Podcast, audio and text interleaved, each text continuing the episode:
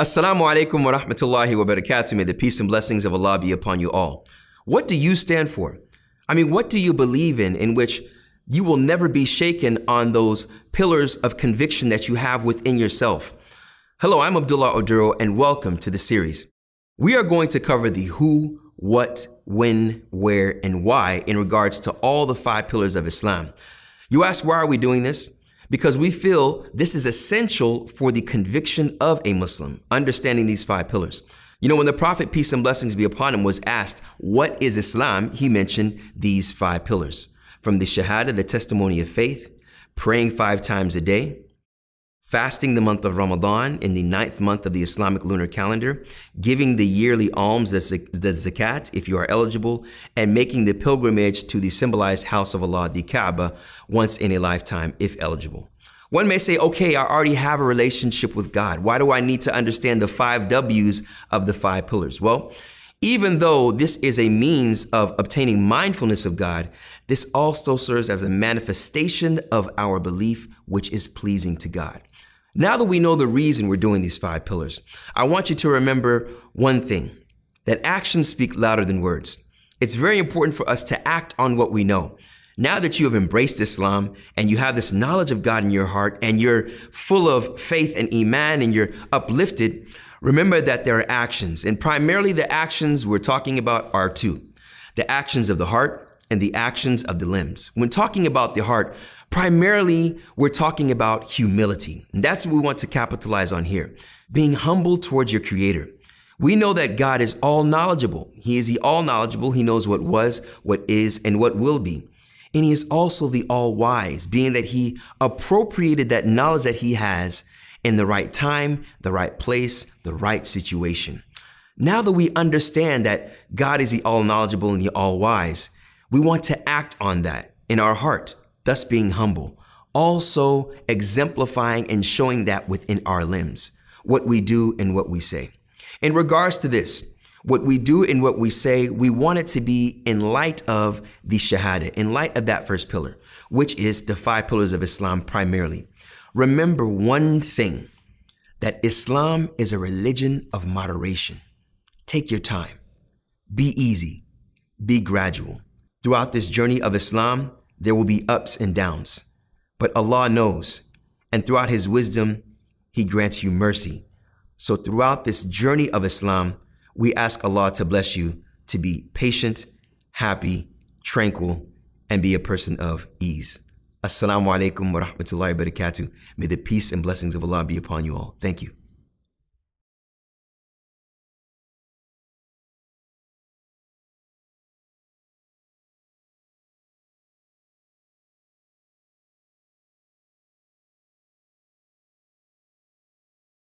Assalamu alaikum wa rahmatullahi wa barakatuh. May the peace and blessings of Allah be upon you all. I'm Abdullah Oduro and welcome.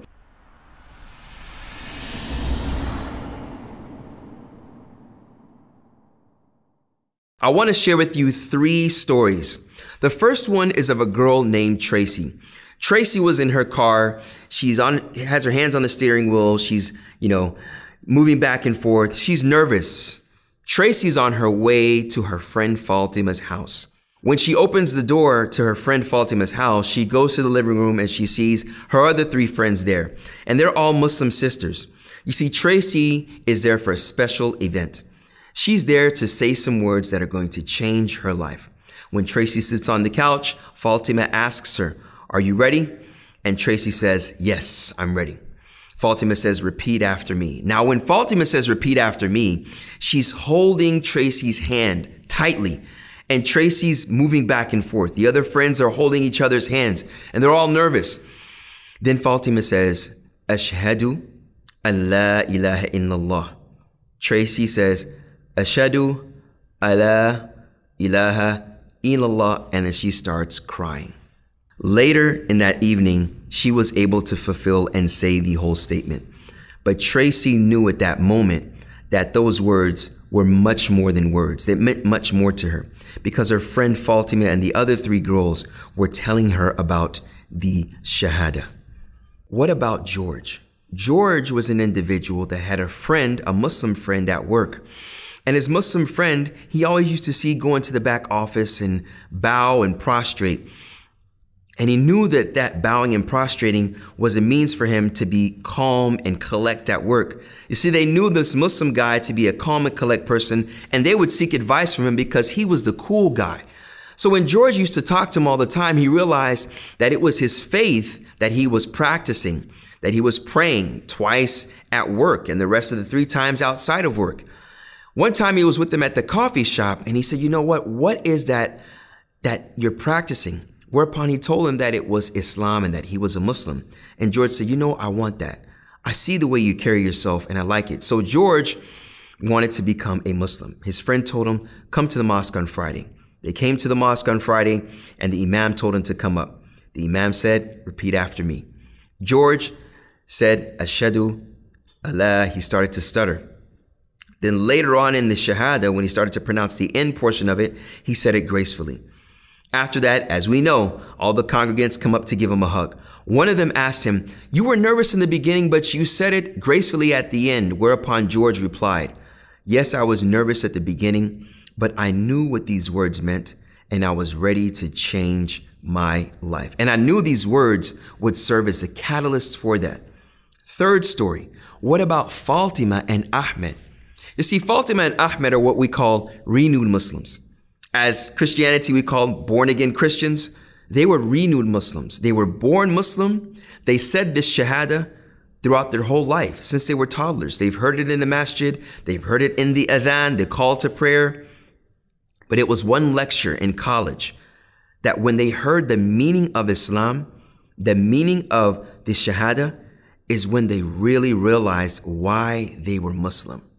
And it was a wake up call for them which served as a catalyst for their process of conviction.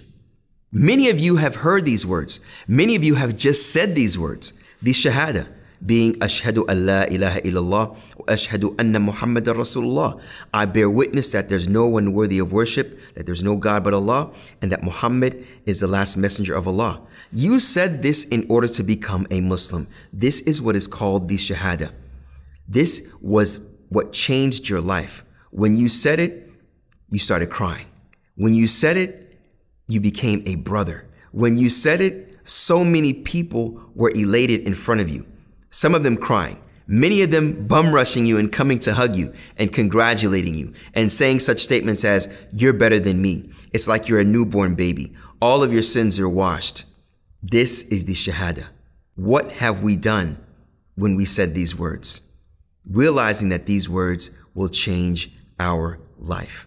May Allah subhanahu wa ta'ala make you of those that when you say these words, understanding the meaning of that process of life and knowing that the Shahada serves as a catalyst for that.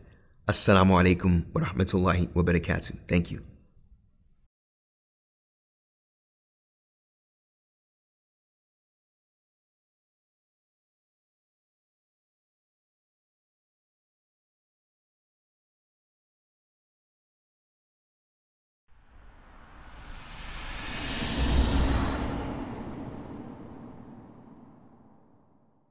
Assalamu alaikum wa rahmatullahi wa barakatuh. May the peace and blessings of Allah be upon you all. Abdullah Oduro, and welcome back.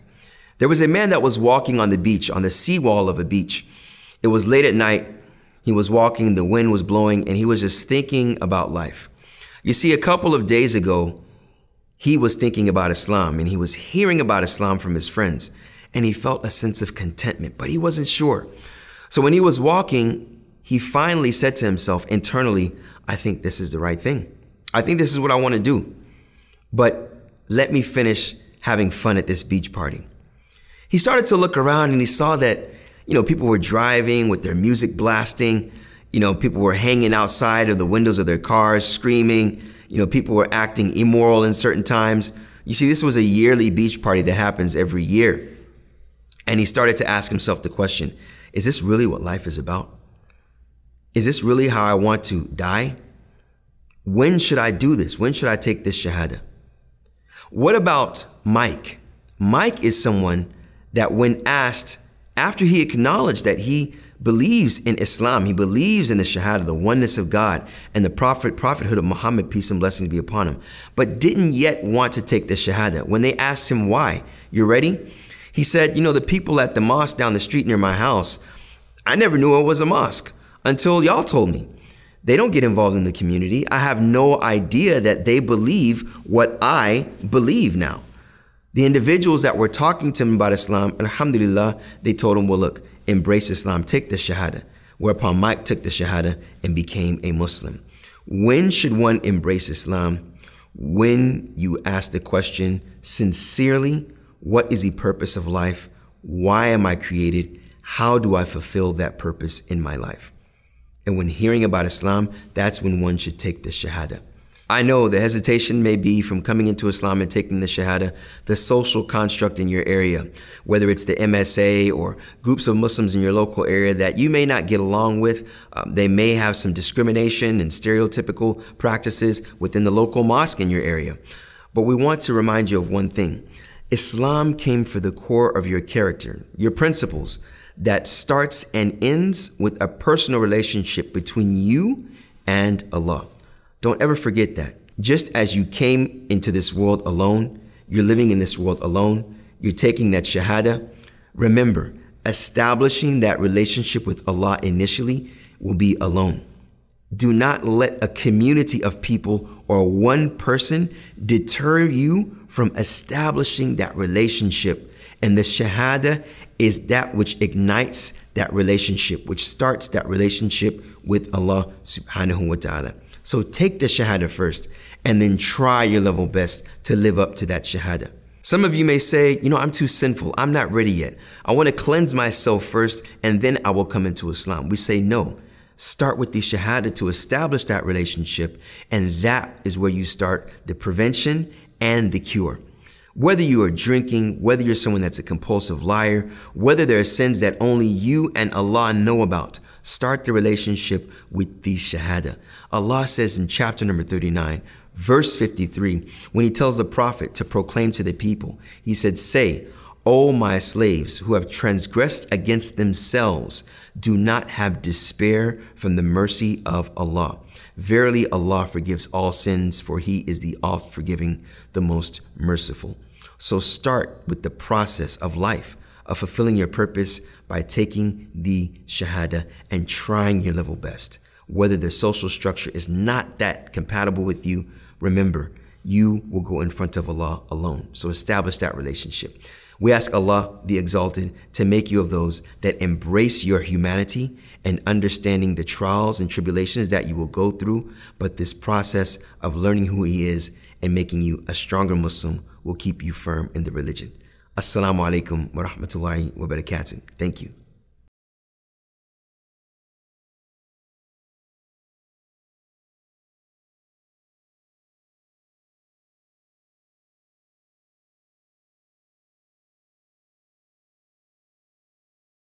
Assalamu alaikum wa rahmatullahi wa barakatuh. May the peace and blessings of Allah be upon you all. I'm Abdullah Oduro and welcome back to the series.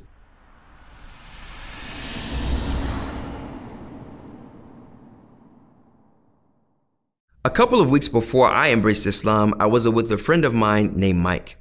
We were still asking around about religion and in Islam in particular when we went to one mosque to ask about Islam with the local imam or leader of that community. It was a mosque near our house, so when we got to the entrance of the masjid, I entered and I placed my, my shoes in the shoe rack area where they instructed me to do so. Whereupon I turned around and I saw Mike wouldn't enter. He was at the entrance of the mosque and he wouldn't enter. He had his hands on the hinges of the door and he was hesitant. I went up to Mike and I said, Mike, what's going on? He said, Man, I have too many sins. I'm not worthy. I'm not good enough for Islam. Whereupon I told Mike, I said, Mike, you're in the right place. We're human. We make mistakes. I was going on and I was trying to convince him. Mike was crying. I've never seen Mike cry. So Mike was convinced. Alhamdulillah. He was convinced and he walked into the mosque with me and we eventually embraced Islam. Just as Islam was right for Mike and as Islam was right for me and it is right for you, it is always right for any individual that you may think that Islam is not right for. What's most important is that that person has sincerity. Many of us have family members that may not be you may not like the fact that we're Muslim, friends that may have left us because we're Muslim. You may know people that you say to yourself, there's no way that this person would turn to God. There's no way that this person would become Muslim. When asking the question, who is Islam for? It's for any sincere individual that wants to fulfill their purpose of life. It's for any sincere individual that asks the question, why was I created and how do I fulfill the purpose of my existence in a meaningful way that is meaningful to me and others around me? That is who Islam is for. Now, when we're looking at this, it's not only for the person that was not a Muslim and came into Islam, the person that was Christian or Jew or Hindu or atheist and decides to take the Shahada. It is also for the one that is Muslim. When we talk about the Shahada in particular, the Shahada is for someone that was Muslim, but when they say it, it reminds them and strengthens their integrity. So when talking about the Shahada to enter someone into the fold of Islam, yes, we mean that. But it's also for the person that was Muslim and wants to remind themselves of the greatness of God, strengthening their integrity and strengthening their faith, which we call Iman within Allah, and their following and their uh, uh, adherence to the messengership of the Prophet, peace and blessings be upon him. So when looking at who Islam is for, we've answered that question. May Allah subhanahu wa ta'ala bless you in being of those who fulfill the means and rights of the Shahada. Assalamu alaikum wa rahmatullahi wa barakatuh. Thank you.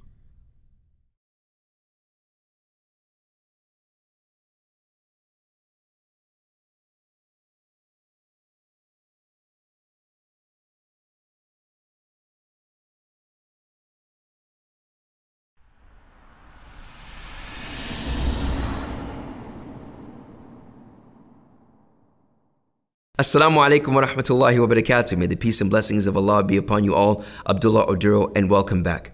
There was a man that was sitting in the coffee shop with his friend, and they were talking about how they embraced Islam, and they were just reminiscing over the years and you know the trials and errors that they had. But in the end of their conversation, they were being very thankful. They were talking about where they would have ended up if they wouldn't have had this type of structure and guidance. Whereupon an individual was sitting two seats away and was listening to them. He walked up to them about 45 minutes later and he said, You know what? I apologize, but I've been listening to you all. And what y'all are saying is very intriguing. You know, I've been hearing about this Islam from my friend at school, and I want y'all to tell me a little more about it. Whereupon they started to tell him about Islam and they sat there for hours on end. They ended up in the parking lot of that coffee shop because the coffee shop closed. It was around 12:30 they were in the parking lot. This individual said, "You know what? I think I want to I want to embrace Islam, man. I really want to do this." They asked him, "Are you sure?" He said, "Yeah, I mean, what you told me is that right? What you told me about God and Muhammad. I mean, I've been reading about it, but I believe that. I think I believe that." Whereupon one of the friends said, "Okay, well, you know, we got to wait till tomorrow because that's when the mosque opens. The mosque is closed." The other friend said, "No, no, no, no, no. You can embrace Islam right now. Embrace Islam right now. Where can one take their shahada?" In this situation, what do you think? Of course, it was okay for him to take his shahada there. You can take your shahada anywhere.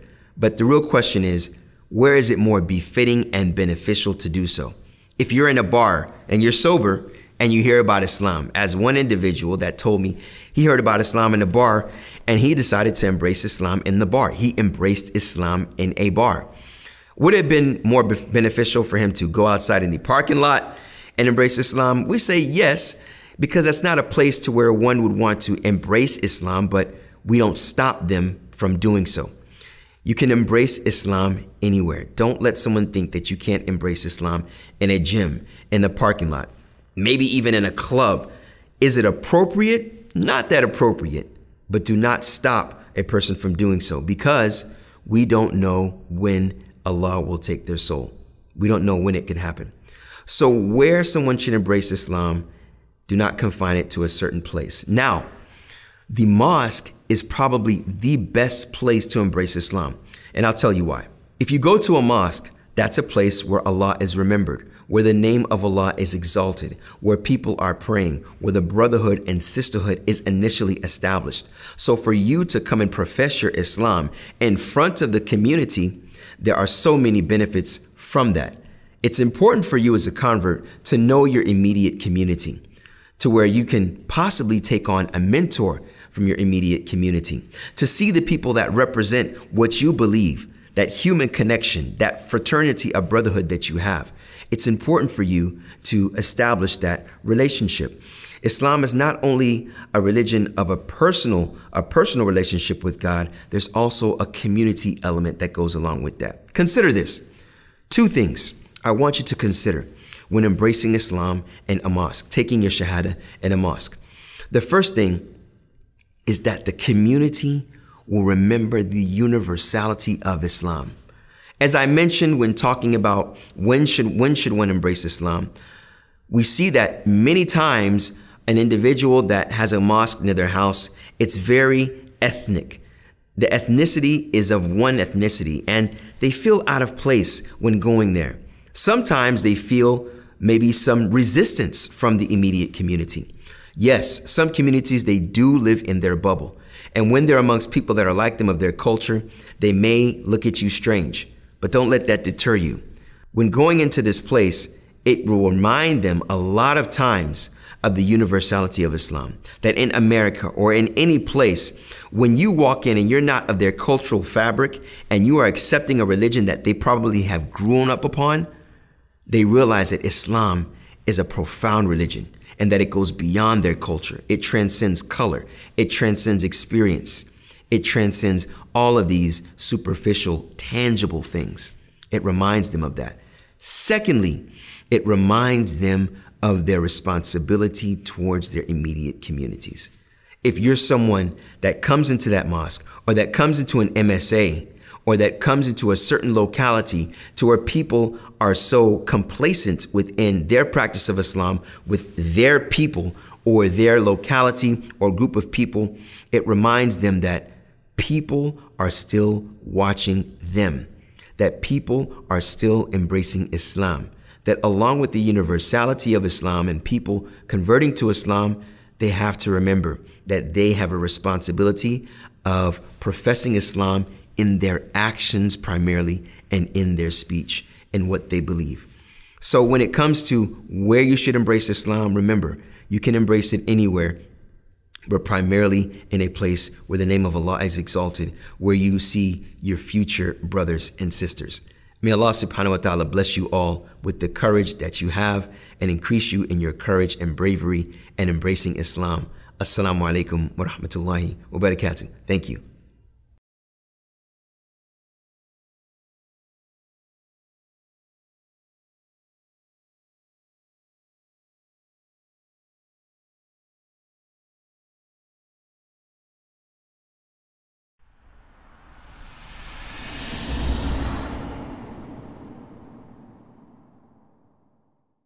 Assalamu alaikum wa rahmatullahi wa barakatuh. May the peace and blessings of Allah be upon you all. I'm Abdullah Oduro and welcome back.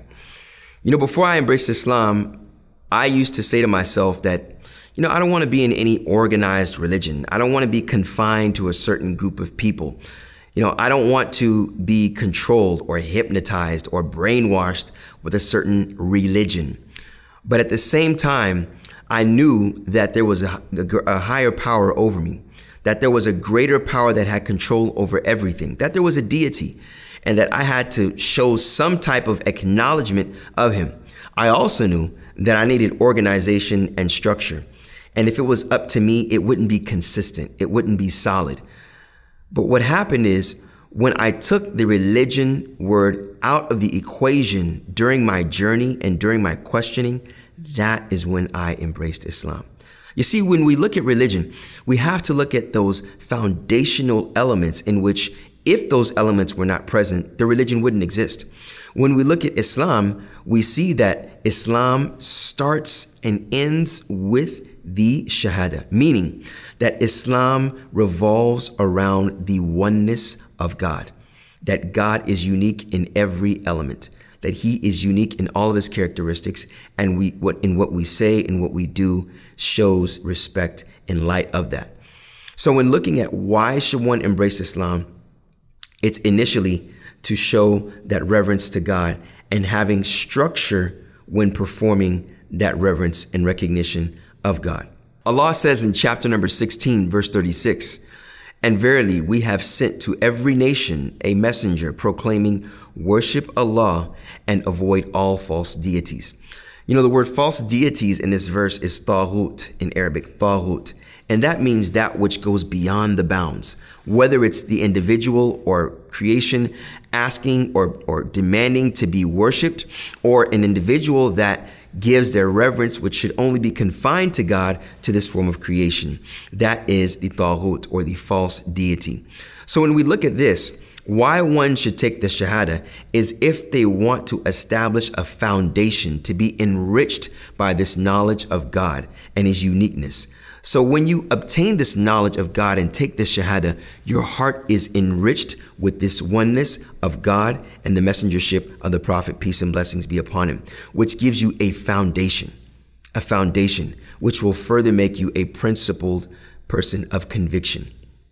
And this is paramount for establishing that relationship. So when we see the question of why someone should embrace Islam or why do you pray five times a day? Why do you go to the desert thousand miles away? Why do you fast 30 days out of the year? Why do you uh, make it an obligation for yourself to get married in order to establish a relationship with the opposite gender? Because we have that foundation, we do this with ease and we do this understanding that that is a manifestation of worship and gratitude towards God. Secondly, it is a means of fortification. Once you've established that relationship based on the knowledge of God, you've enriched your heart you fortify your heart by remembering the greatness of God, remembering His rights, remembering your rights, doing the best that you can, which strengthens that relationship. So the remembrance of that pillar, of that foundation, will strengthen you to further serve as an anchor. And that is where the process of conviction starts. So when we ask the question, why should someone embrace Islam? It's to establish that relationship of the knowledge of the oneness of God and to strengthen that relationship through continuously attempting and trying to maintain that foundation. We ask Allah subhanahu wa ta'ala through this declaration of faith that you've made and through this strengthening of the faith through your actions to keep you consistent on that. Assalamu alaikum wa rahmatullahi wa barakatuh. Thank you.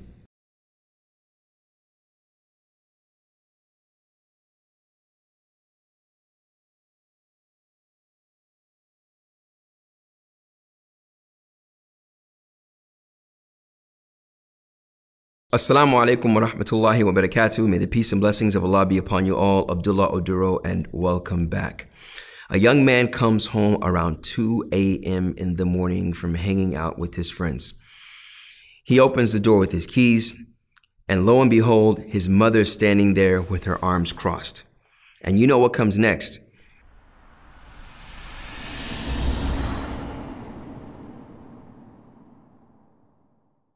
She's asking a number of questions. Where have you been? Why are you late? You told me you were coming at this time.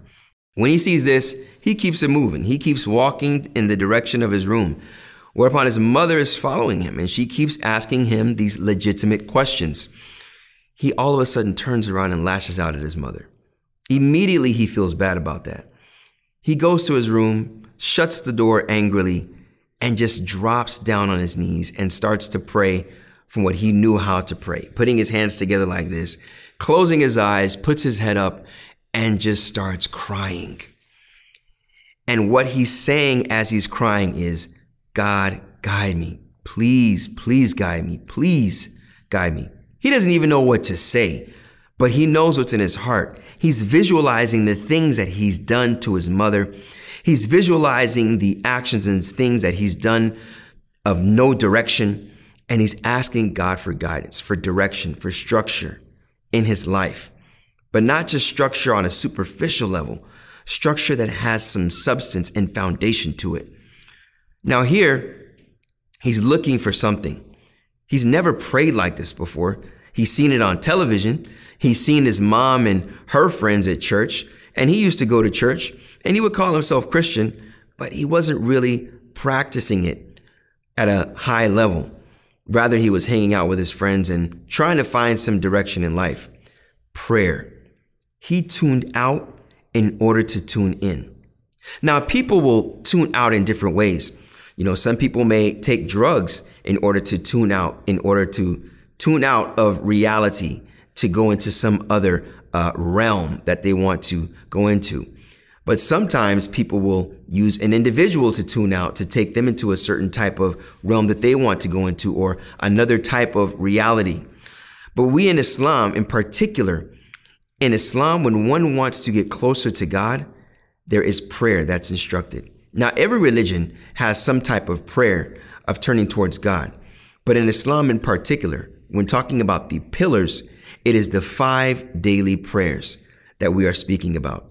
Now, this prayer primarily is a means of establishing that link and connection to their creator, that God is speaking to them in the strongest way possible, which is the Quran, to where in the prayer they recite the Quran and also you can speak to God by asking Him, praising Him, asking Him for His virtues and praising Him for His virtues.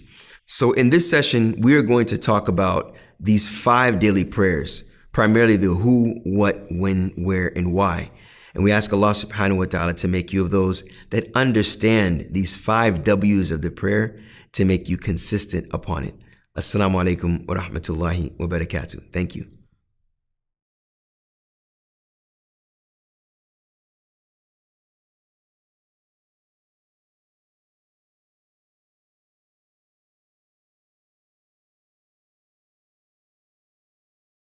Assalamu alaikum wa rahmatullahi wa barakatuh. May the peace and blessings of Allah be upon you all. Abdullah Oduro and welcome. What is the prayer?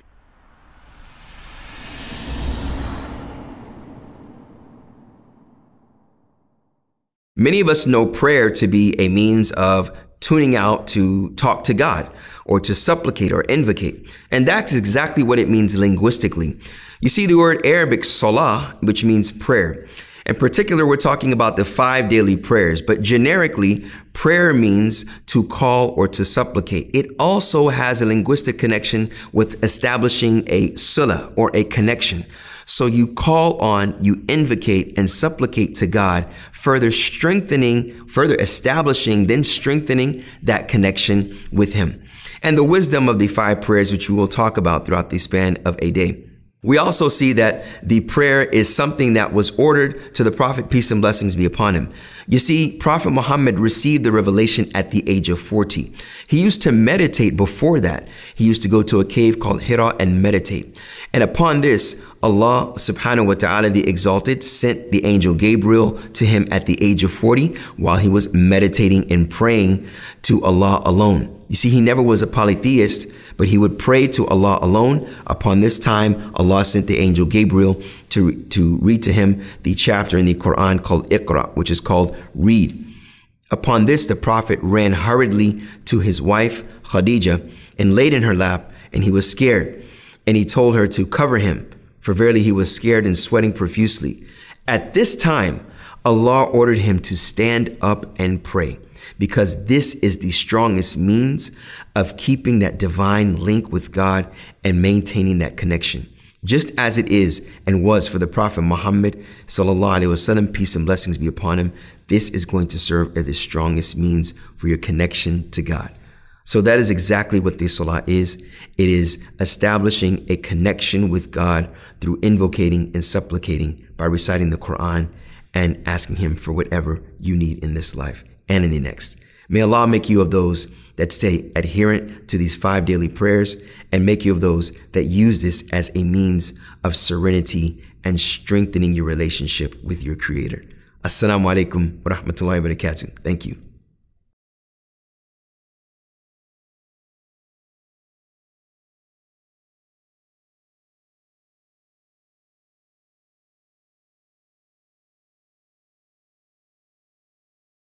Assalamu alaikum wa rahmatullahi wa barakatuh. May the peace and blessings of Allah be upon you all. I'm Abdullah Oduro and welcome back.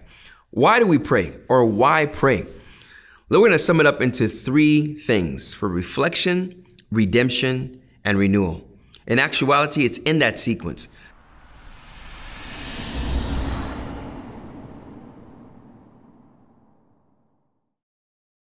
Reflection, you reflect over what has happened and reflect over things that may happen, but you're pondering over the current situation, the past situation, you're thinking.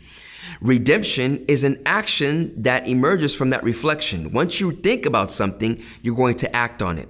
And particularly, redemption is one of the things amongst many thankfulness, awe, fear. Redemption is one of those seeking forgiveness. You felt bad about doing something, so you seek forgiveness because you thought about it. And renewal is the conclusion of that. Once you sought forgiveness for something, you renewed yourself and you've had some type of spiritual rejuvenation. You sought forgiveness and you asked for God to forgive you to where the next time you're encountered with that particular thing, you won't fall into it by the permission of Allah. This is actually mentioned throughout the Quran in numerous verses, but what I want to talk about in particular is that which happened with Prophet Moses, peace and blessings be upon him, in the 20th chapter, verse number 11 through 14. Allah talks about when Moses was on his way back to Egypt and he was with his family in the cold, blazing, uh, blazing blizzard and he saw a fire from a distance. He told his family, Stay here. I will go to this fire and perhaps use it with my staff and take a portion of that fire as a guide for us on our way back to Egypt. But Allah says, When he came to that blazing fire, he was called out, O Moses, indeed, I am your Lord. Take your sandals off, for you are in the valley of what is called Tua, which is Mount Sinai. Sinai. And I have chosen you. So listen to what is about to be revealed. Verily, I am Allah. There is no God except me. Worship me by establishing the prayer for my remembrance. So here we see that Allah firstly revealed himself to, himself to Moses, establishing who he is and giving him a responsibility. So upon Moses knowing that he has been chosen as a prophet now, what is the first thing that Allah tells him? Allah tells him, Fa'budini, worship me the first pillar of Islam. Wa aqima salata and establish the prayer, second pillar of Islam. Why? Li dhikri, for my remembrance. And that is the 14th verse here. So that's what we want to highlight on. That when Allah chose him as a prophet, what's the first thing that he told him? He told him about himself, who he was, gave him knowledge, and then gave him an action plan, gave him a responsibility. So we see the first pillar of Islam is the knowledge. It's the knowledge of Allah and the acknowledgement of that. And then the action plan, which is initially establishment of the prayer, to establish the prayer, to pray. So, what's the reason for that? Is reflection for my remembrance. So we say reflection is recalling based on knowledge that you have knowledge of Allah. You reflect on His greatness. And the best time to do that is when you have detached yourself. You've tuned out when you pray. So you remember God's greatness upon you, what you've done earlier in that day, and you thank Him for that. You remember God's greatness upon you, how He is the pardoner, how He is the oft forgiving. He forgives us for any shortcomings that we may have. And you remember that and you ask Him for His forgiveness with your undivided attention, praying to Him and that's the redemption. When you're done and you conclude with the prayer, because of your hope, your fear, your trust, your love, all of these actions of the heart, seeking redemption, you have a spiritual renewal. You feel a little clean. You feel a little ease. It brings you a form of salam, peace. And that's the goal. And that's why we say Islam is submission and surrender to the Creator for means of peace and salvation. You obtain this peace through submission. You obtain this peace through prayer. That is why we pray. So when we look at this, consider this. The prayers in Islam are five. As we see, the second pillar of Islam is praying five times a day throughout the span of a day. So throughout 24 hours, we have five legislated prayers. Let's compare these five prayers to the amount of sins we commit. More than five on a 24 hour basis.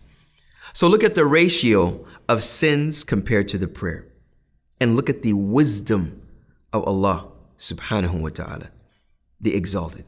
The wisdom, how He appropriates the knowledge of our sins, of our nature, that we embraced our humanity, of our deficiency, and of the complete perfection of God. And through that, We pray five times a day throughout the span of a day. Sunrise, you wake up, you perform prayer. You're reflecting on yesterday. You're reflecting on what you've done yesterday. Then you ask for forgiveness of what you've done. You ask Allah to make you strong on maybe something you fell weak upon, or to make you strong on what you're about to embark on on that day. And when you're done, because you've had that type of serenity, you've obtained peace and you're ready to start your day. The middle of the day, you may have performed some mistakes. You may have looked at something that you shouldn't have looked at. You may have said something you shouldn't have said. You've done something that you shouldn't have done. That's why the prayer relinquishes and does away with wrongful, immoral deeds. Allah says in the chapter number 29, verse 45, and establish the prayer, or establish, recite the book that has been revealed to you, and establish the prayer. For verily, prayer relinquishes wrongful and immoral actions, and the remembrance of Allah is the greatest thing. And Allah is well aware of what you do. So prayer relinquishes and takes away, and maybe even by the permission of Allah, erases those bad deeds on our record when we have to stand in front of Him for every single thing that we have done, good and bad. So again, we pray for means of reflection, redemption, for spiritual renewal. To reflect on what we've done, which will bring actions of the heart and which will, in conclusion, by the permission of Allah, make us people that have salam and peace within their hearts and their actions, Muslims.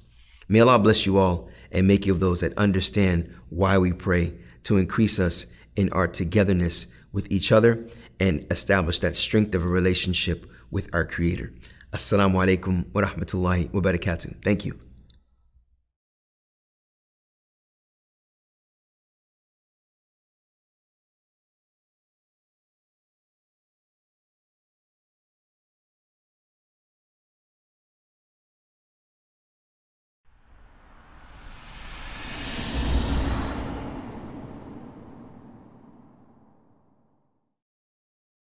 Assalamu alaikum wa rahmatullahi wa barakatuh. May the peace and blessings of Allah be upon you all.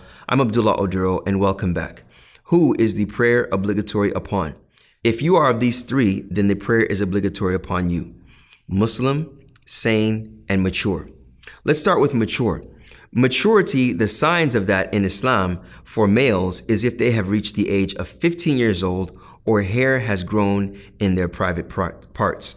So if you're around the age of 15 or if hair has grown around your private parts, then you are considered mature in Islam. Also, if you have a wet dream, then this is a sign of you being mature. Therefore, the five daily prayers is obligatory upon you. For the female, it's primarily characterized by the coming of menses. If she was to have her menses, then upon that, the prayer is obligatory upon you. But note, while she is on her menses, prayer is prohibited for her. She is not allowed to pray, and she doesn't have to make those prayers up. Now, the sane individual is that person who is characterized as sane, being that they are not someone that is legally insane or what would be called as uh, crazy, but they are someone that is insane to where when you speak to them, they, may not be able to distinguish what you're saying or may give an answer that is not which not that which is normative. Preferably that to be confirmed by a psychologist and a physician. Thirdly is the Muslim. The person has to be Muslim for them to be uh, obliged to pray five times a day, as this is a condition for the obligation of the prayers. Allah subhanahu wa ta'ala says in chapter number four, verse number 103. Verily, the prayers has been described, has been uh, decreed upon a prescribed times. So the salat has been prescribed upon Muslims at a decreed time frames.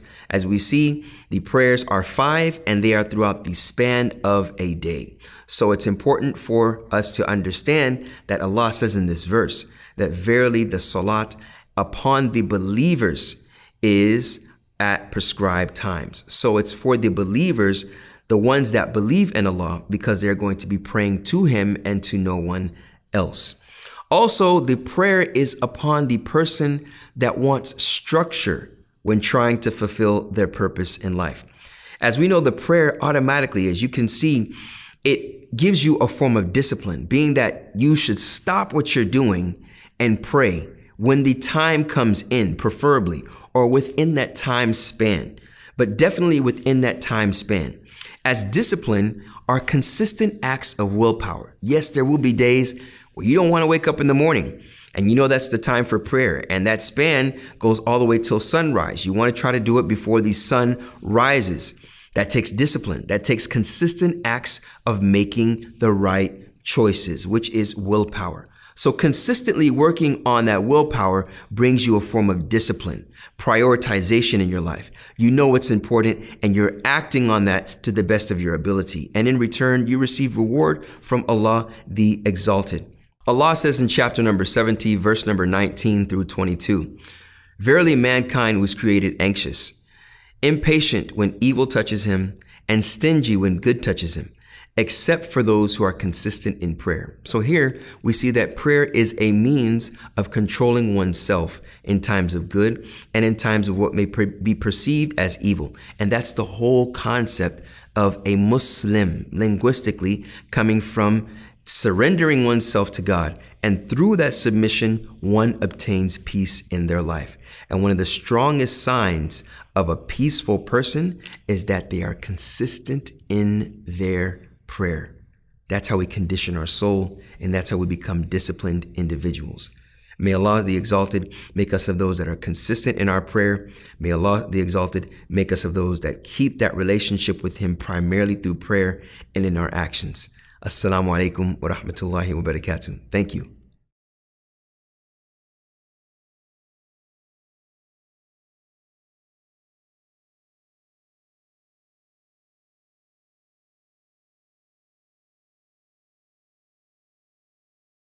Assalamu alaikum wa rahmatullahi wa barakatuh. May the peace and blessings of Allah be upon you all.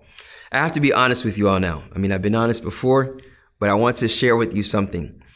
When I was told that prayer was five times a day, I asked the question every single day for the rest of my life, I got to pray at least five times a day. You see, when asking the question like that, when thinking about my life, how I didn't pray at all, and how sometimes I prayed when I needed something, transitioning to five times a day, that seems like a lot. Seems overwhelming. It seems that way. But then you have to be truthful.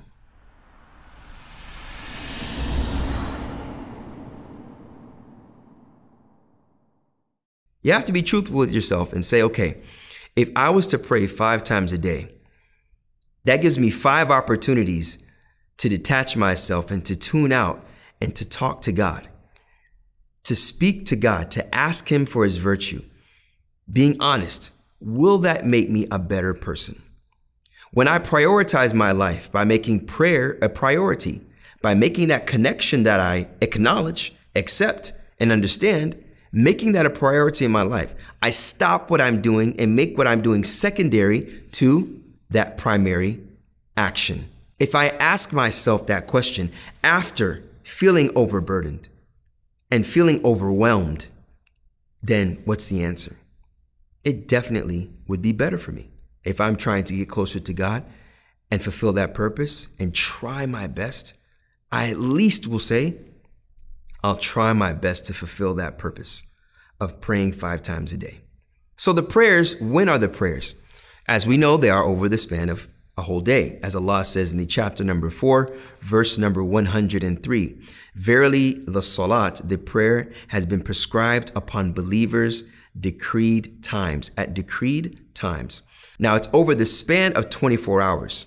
And the Prophet, peace and blessings be upon him, even gave a comparison, a beautiful comparison, when he asked a companion of his, he said, if you were to wash in a river five times a day, would there be, would there be any filth on you?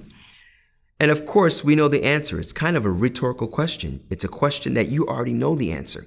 But think about this comparison. A river, it's even, the water gushes stronger than your typical shower a river, if you don't watch yourself and if you're not stationary, you can go along with the, the river and possibly lose your life. So to show the force of water that is that is passing you up and that is taking all of this filth off of you, the prophet, peace and blessings be upon him, gave a very eloquent, beautiful, concise comparison. Now, looking at the prayer, as we talked about before, when doing that five times a day, having that connection, what would it do to the individual? Understanding the wisdom of Allah subhanahu wa ta'ala in prescribing the prayer for us. Now, what's important to know is that this prayer is time spans and not specific times. So, for instance, you'll see on a prayer schedule, uh, if you go on a, a, mosque or you go and you look online, you go to these websites, you'll see that there is like a chart, like an Excel sheet or a chart, and you'll see the five prayers. Under each prayer, they will have specific times. Now, from one time to the next is the time span that you can pray that prayer. So, for example, you will see Dhuhr, the midday prayer. Under it will be 12:30 p.m. And then the next prayer is called Asr, which is the evening prayer. You'll see that at 4:30 p.m. or 6 p.m. Know that you can offer the Dhuhr prayer from that 12:35 mark all the way till right before that Asr prayer comes in. That's the time span that you can offer the prayer. Mind you, some of these prayers are a little more constricted, such as Maghrib and Fajr, but we will talk about that inshallah. May Allah make you of those that perform their prayers on time, make you diligent, and make you disciplined. Assalamu alaikum wa rahmatullahi wa barakatuh. Thank you.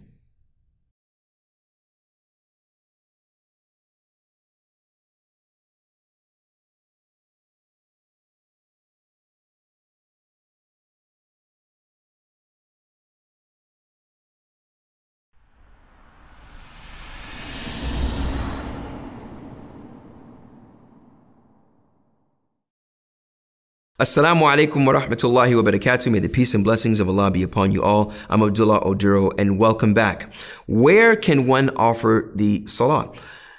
Particularly, it's highly recommended to offer the salah in the masjid, for that will serve many purposes and many benefits. From that is that you are praying in what is characterized and known in the Quran in numerous verses as the house of Allah. And also, the Prophet, peace and blessings be upon him, encouraged Muslims to build mosques. Thirdly, it's important to know that when you go and pray at a mosque, if it's the prescribed prayers, the five daily prayers, you will be praying in congregation. So that helps establish and strengthen the community. And from that establishment, it creates networking and strengthens the brother and sisterhood. But generally, one can pray anywhere as long as it is in a pure place, which is characterized by the absence of any large amounts of blood or that which comes from it being pus, etc., urine, or feces. If it is not in that area, then that place is okay to pray. So if you're playing basketball or playing a sport, you can pray outside in the grass, you can pray on the sand, you can pray in a parking lot. Just make sure that when you do that, the immediate place of where you prostrate primarily, there is no urine, there are no feces, and there is no uh, uh, blood that has not been washed off. And from the wisdom of Allah, as the Prophet, peace and blessings be upon him, even said, he said, the earth was made as a mosque for him, as a masjid. So you can pray anywhere. And that's from the wisdom of Allah and his mercy upon us. So even if you're in a place that is not befitting, try to find a place where it's serene and quiet and doesn't have any of those impurities that we talked about and pray. Also, it's important to remember that the place that we direct our prayers is towards the Kaaba. Depending where you are in the world, it will be a certain direction that you have to pray. So we in America, in the West, we face the Northeast, and that is the direction of the Kaaba. Mind you, when you go into a mosque, you will see sometimes an indentation in a portion of the wall. That is where the imam stands to lead the prayer, which is an indication of the direction of the Kaaba. And this is what is called the Qibla. This means the direction of the Kaaba. That is generally where the Muslim should pray in that direction. So if you're at home, it's advisable for you to get an app to use the app and look north northeast and primarily it will show you where the Qibla is. If you do not know, you are at work and you do not know where to pray, if you can find someone to ask you, find someone to ask to give you the directions of where northeast is located, looking on a compass, depending on the time of the prayer, you can possibly tell by the sun. But other than that, it's advisable to use an app and to let that app guide you, inshallah ta'ala.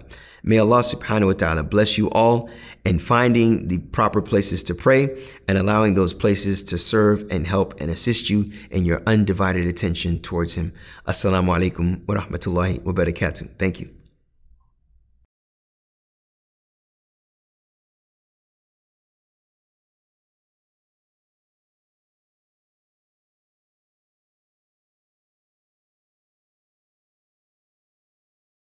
Assalamu alaikum wa rahmatullahi wa barakatuh. May the peace and blessings of Allah be upon you all. Abdullah Oduro and welcome.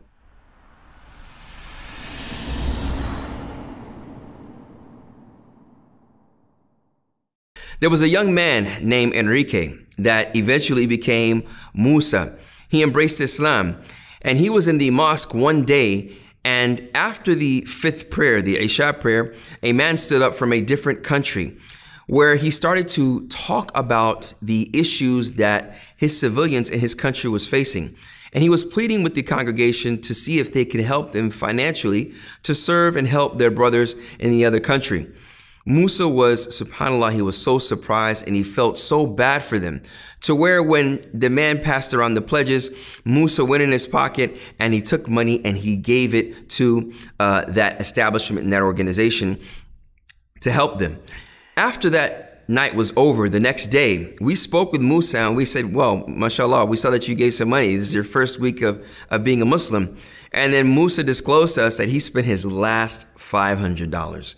Mind you, Musa was married or he had a close uh, uh, a companion, female, uh, that was a non Muslim. And he was living with her and they just moved into an apartment. Now, one could say, okay, what Musa should have done was taken a portion of that money and spent it to help a noble cause.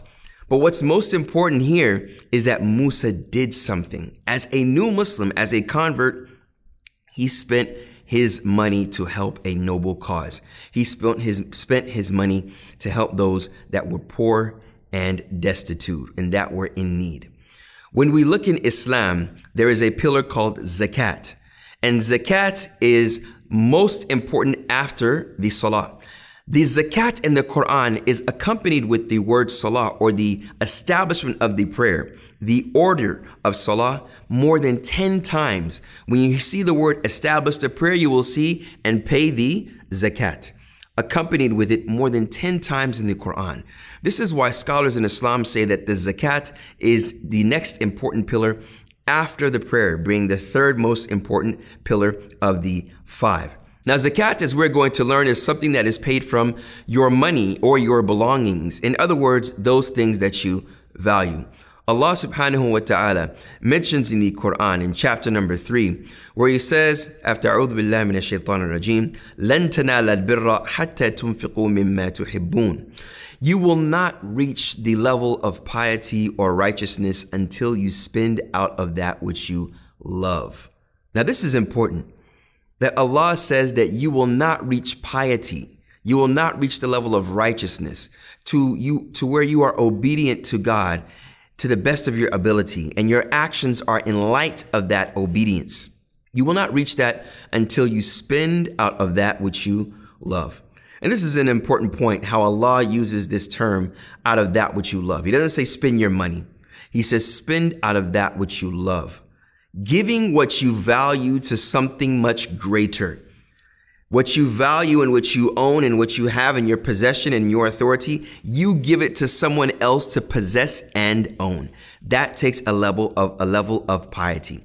You love the fact of giving and helping others more than you love the fact of you owning that thing or loving that thing that you own in it of itself.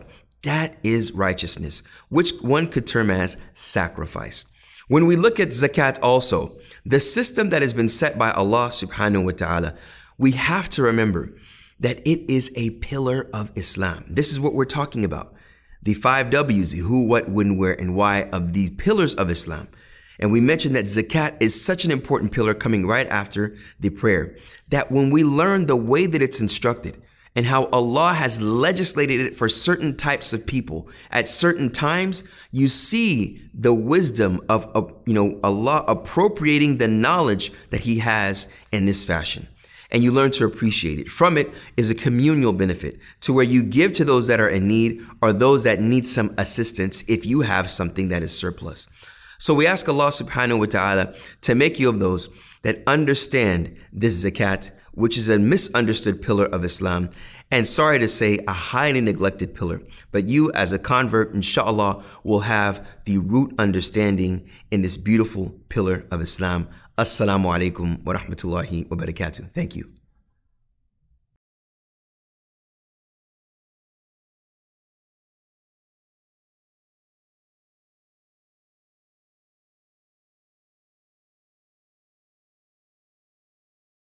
Assalamu alaikum wa rahmatullahi wa barakatuh. May the peace and blessings of Allah be upon you all. I'm Abdullah Oduro and welcome. What is zakat?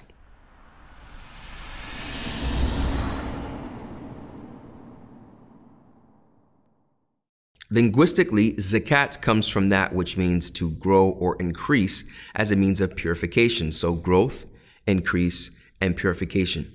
The technical meaning of zakat is an obligatory amount that is taken from one's surplus wealth once it reaches a certain threshold. When we look in the Quran, in the beautiful Quran, we see that there are categories of zakat, the items that one gives from, and there are primarily four of them. First of them being gold and silver. Now, let's not forget this. I know we don't have gold in our bank accounts or gold in our glove compartments, and we can't fit gold coins into our wallets or bars, but it emerges and expands uh, from that. So gold and silver is the first item of zakat. Secondly, the agricultural output from crops and yields, or that which comes from the earth from minerals and treasures.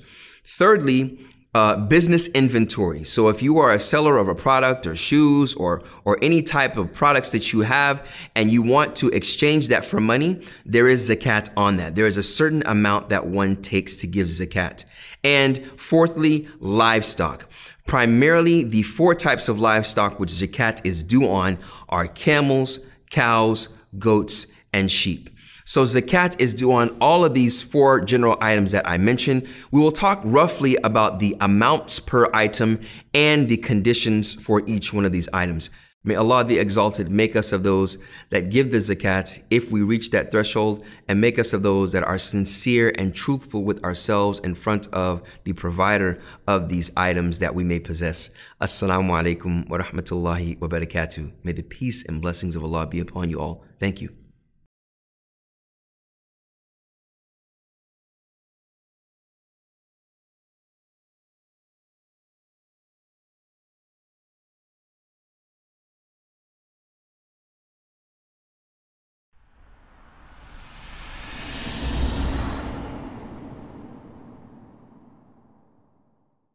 Assalamu alaikum wa rahmatullahi wa barakatuh. May the peace and blessings of Allah be upon you all. I'm Abdullah Oduro and welcome back. Why do we pay zakat? Well, the zakat, as we know, has been accompanied with the salah in the Quran more than 10 times. When Allah orders the prayer, He also orders zakat.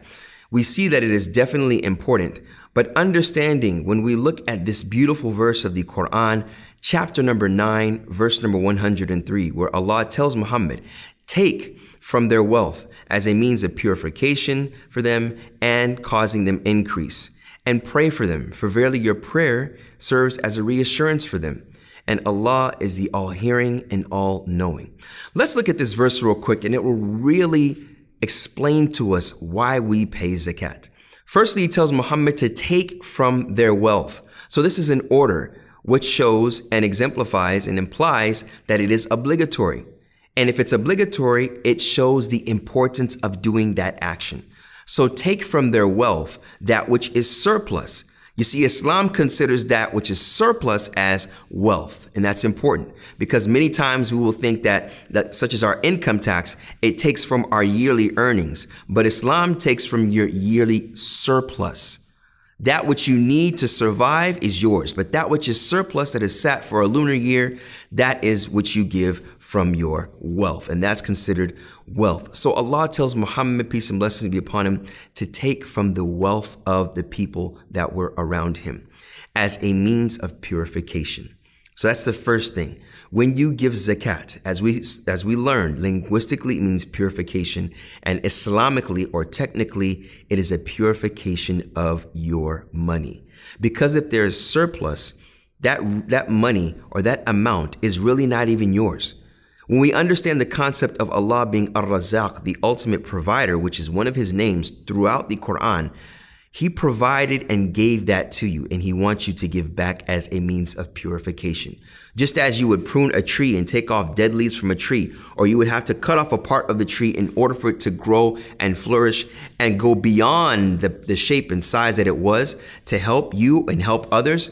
This is the exact concept with zakat. So it means a purification and increase.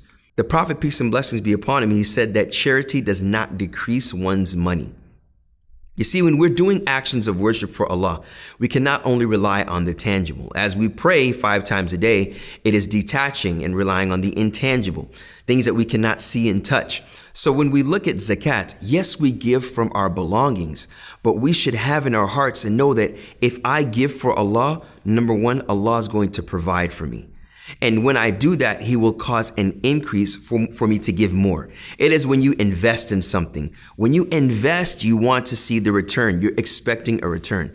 It's the same concept, but on a much greater spiritual level. When you give to someone that's in need for the sake of Allah, which is an exemplification of your spirituality, Allah will increase in that money and even increase you in ever, whatever He wills in that which is better for you. Then He says, take from their money, take from their money as a means of increase and purification for them and pray for them. As a prophet, Muhammad, peace and blessings be upon him, when he would take the zakat from the people that were eligible, he would pray for them and ask Allah to increase them and to place in their money barakah. Now, this word is very important. The word barakah means blessings. Blessings, what does it really mean? It is the attributes of God to descend upon that thing. So if I ask God to bless you, I'm asking him from his names and attributes to protect you, to honor you, to, to, to keep you away from any sicknesses or anything that's harmful. So when the prophet would pray for them to be blessed, this is definitely purification and increase. And then Allah says, Allah is all hearing, the all knowing. Allah is all knowing of what you do, and He is all hearing of what you say when you give the zakat. And when the Prophet, peace and blessings be upon him, would make dua for them and pray for them. So when looking at why we give zakat, we have to remember that it is primarily because Allah told us to. And Allah is the all knowing and the all hearing.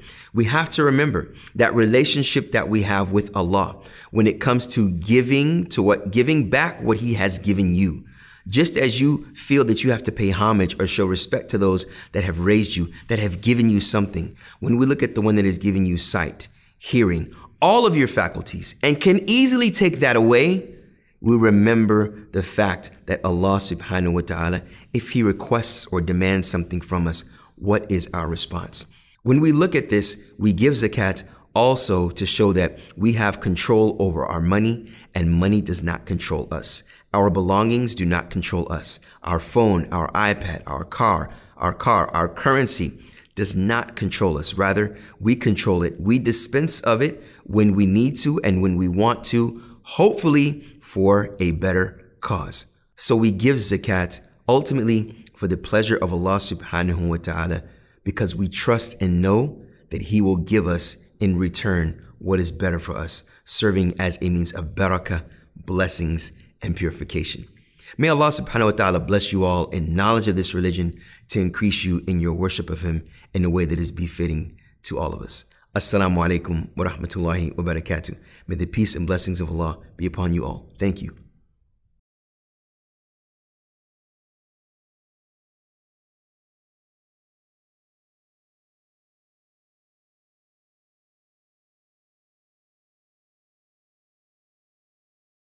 Assalamu alaikum wa rahmatullahi wa barakatuh. May the peace and blessings of Allah be upon you all. Welcome. I'm Abdullah Oduro. When do we pay zakat?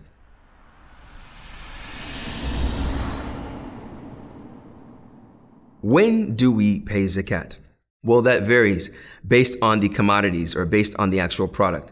As we mentioned from the products of zakat are gold and silver and what derives from that, crop yields or what comes out of the earth from agricultural products or minerals and treasures, livestock uh, from from camels, cows, goats, and sheep's, and also business inventory.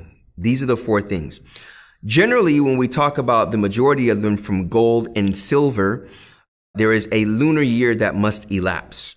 In the lunar year, we're talking about the Islamic Hijri calendar, not the Gregorian calendar, not January to January, but rather Ramadan to Ramadan. And this is important because the lunar calendar differs from the Gregorian solar calendar by 11 days. It is approximately 11 days less. So you will see Ramadan shift every year.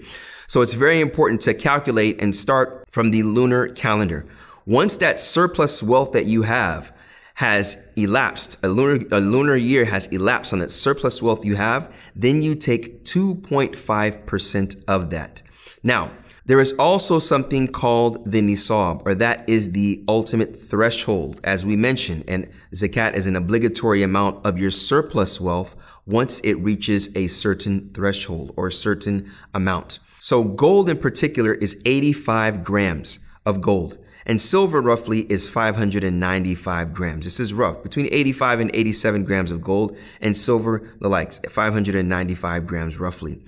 If you have what is equivalent to 85 grams of gold and that has sat for a lunar year, then you take 2.5% of it. So we see here roughly today, uh, gold is roughly 85 grams of gold is around $4,190.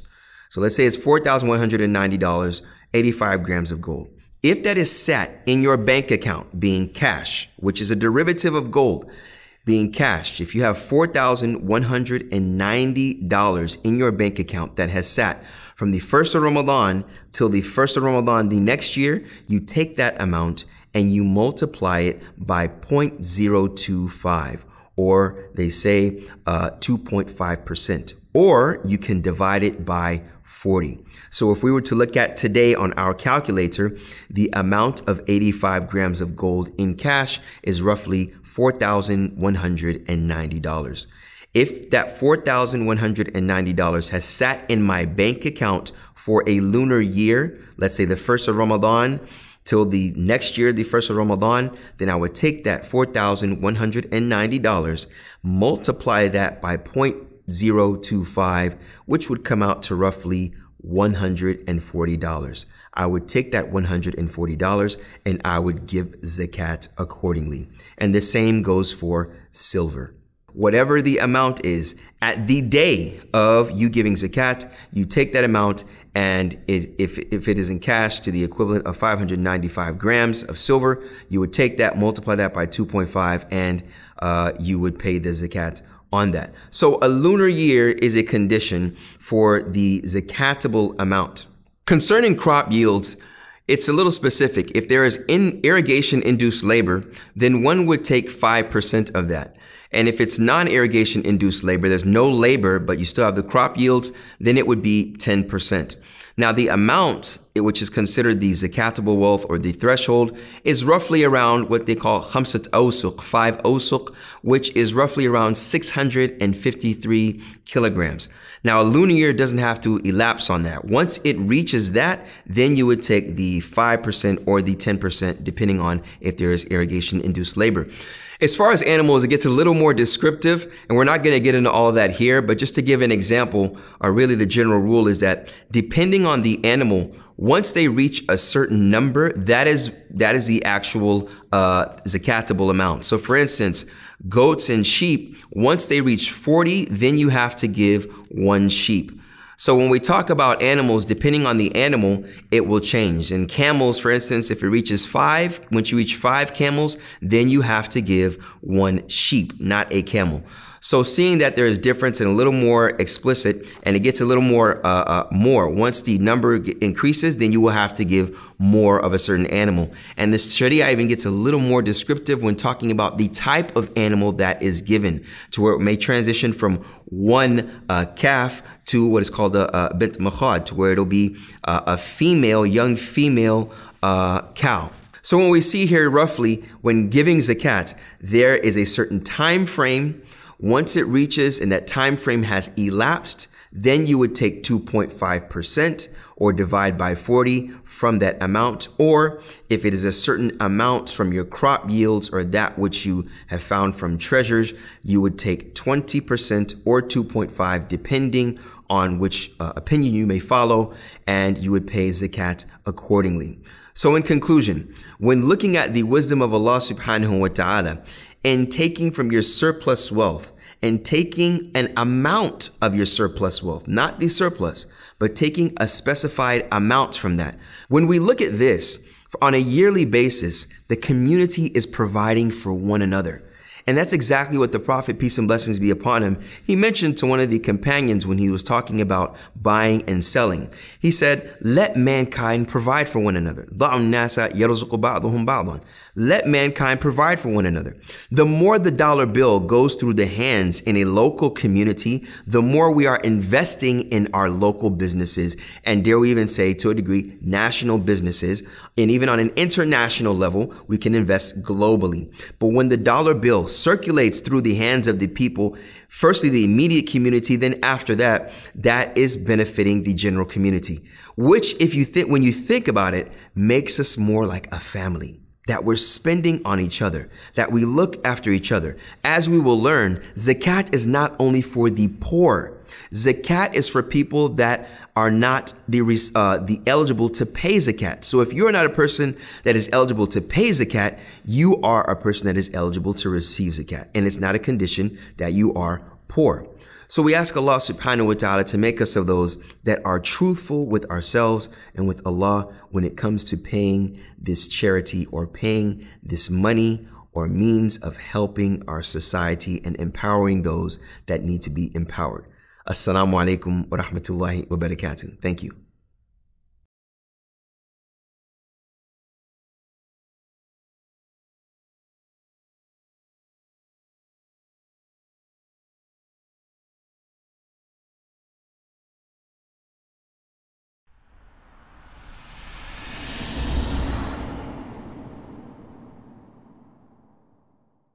Assalamu alaikum wa rahmatullahi wa barakatuh. May the peace and blessings of Allah be upon you. I'm Abdullah Oduro and welcome back. Who is zakat obligatory upon? As we mentioned, the, the definition of zakat is the obligatory amount upon the surplus wealth once it has reached a certain threshold, whether time or amount. Well, looking, if you are an individual that fits that category, being that you have that surplus wealth and the time has elapsed on that surplus wealth, or you have a certain amount of a good or a commodity or of livestock that has reached a certain that has reached a certain number, then you are an individual that it's obligatory upon you to pay zakat. If you are not of that category, then you will fall into the category of those that are zakat eligible, meaning that you are eligible eligible to be a recipient of zakat. Allah says in chapter number 9, verse number 60, he gives all of the categories and there are roughly eight categories of people that receive zakat. The first of them are the poor, and this is what is termed as the fuqara, and then the needy, which are the masakin. So the poor are the individuals that their situation doesn't even allow them. Some scholars even say they don't have enough for a day to where they are, they, they have to ask uh, individuals to receive some type of funding on a daily and even maybe weekly basis. And the masakin are the ones that are needy. They are not at the level of the fakir, not at the level of the poor, but they are not at the capacity uh, to, to have enough to suffice for themselves on a regular basis. وَالْعَامِلِينَ عَلَيْهَا Then Allah mentions the third category, and those are the ones that are employed to collect the zakat. During the time of the Prophet, peace and blessings be upon him, he would summon certain individuals to go out in the neighboring lands and countries to collect these zakats from the Muslims uh, in around the world. So these people are eligible to receive zakat also. When we look at our days now, uh, the, the the government it's it's important for the government that they hire people to collect the zakat. Those people that collect zakat are eligible to receive the zakat. And then also here, Allah subhanahu wa ta'ala mentions the fourth of them being the mu'allafati qulubuhum. Now this may even be in your category, being that you are a convert to Islam is the person whose heart is inclined towards accepting Islam. So if it, if it is someone that is a new Muslim and they are in need and they need help to, to that which will incline and bring their hearts closer to the deen, helping them financially in a certain situation, then they are zakat eligible. And after this, Allah subhanahu wa ta'ala mentions the mu'allafati qulubuhum wa riqabi. Uh, the slaves during the time of the Prophet, peace and blessings be upon him, the individuals that were uh, prisoners of war, would be taken in their homes and they would be treated as his servants. They would clothe them from their same clothing. They would feed them from their same, same food that they ate. These individuals, the person that is considered a servant or slave and wants to be freed from their master, then they can pay themselves off, pay their ransom to be paid off and to become free. They are zakat eligible. One can give zakat to that slave or servant to pay themselves off wal And also here, Allah subhanahu wa ta'ala talks about the ones that are in debt. The individual that is in debt, that is in outstanding debt, such as someone that has a loan and they need to pay off their loan and they don't have enough money to do so. You can give your zakat money to that person to pay off their loan. Also, the individual uh, that is in fi sabilillah that Allah mentions in the path of Allah subhanahu wa ta'ala. And primarily when talking about that, that are people that are go and fight, that fight in the sake of Islam and fight to protect Islam and Muslims. One is able to use their zakat and to pay to assist them in that. Also, the uh, the one that is a uh, traveler the traveler, that is a person that is traveling from one destination to another, you are able to use your zakat money to help and fund those individuals to help them upon their journey. So these are the people that are eligible to receive zakat. And again, when we look at this, it's very important for us to whenever we have the opportunity to ponder over what is called the Sharia or called the, the law, the system of Islam. You know, Sharia comes from a body of water linguistically. It is when channels of water come to a body of water. When looking at this Sharia, when we look at zakat and ponder over it, subhanAllah, Allah was so descriptive to mention the types of people that receive this charity. Just ponder over that. How Allah mentions the types of people that are eligible for this obligatory amount.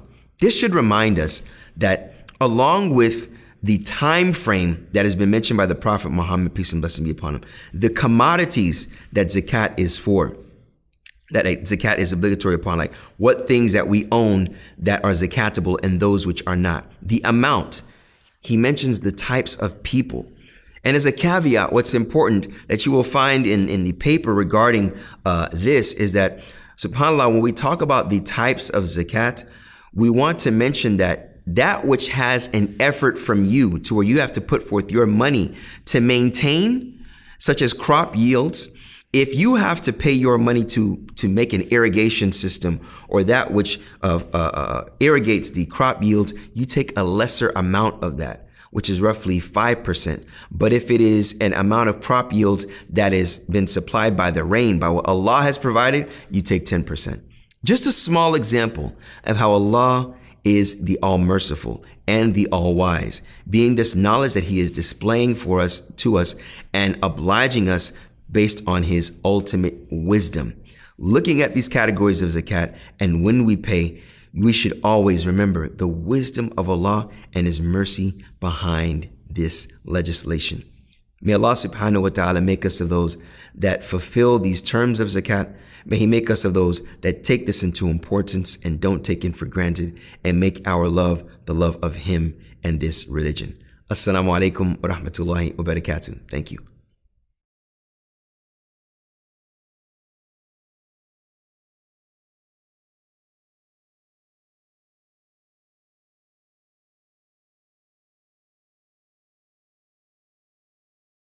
Assalamu alaikum wa rahmatullahi wa barakatuh. May the peace and blessings of Allah be upon you all. I'm Abdullah Oduro and welcome back. Where should one pay zakat?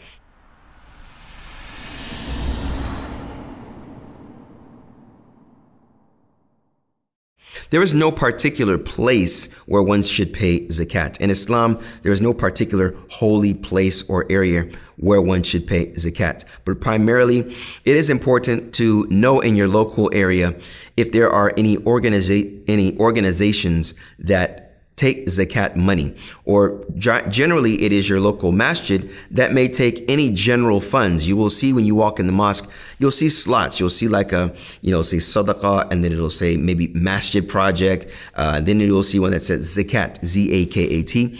That's where you can pay your zakat. And that's when the lunar year passes. You have that amount of money, as we mentioned with gold. You can just go and put the money in the slot. No one has to know. And it's even better that no one knows. And as a side point, if you want to give it to the individual personally, this is preferable. The person that you're giving zakat to does not have to know that it's zakat. The individual can be a family member that is in need. So if you have family members that are in need, this is a great way for you to give dawah and to let them know that you are a changed person and that this money that you have received, you've changed your life, you've come into Islam and you've received money now because you have a career or that you've uh, had structure in your life, which has, mashallah, Allah has provided you financially, you can take from that money and give to those needy family members, not displaying to them that I have to do this.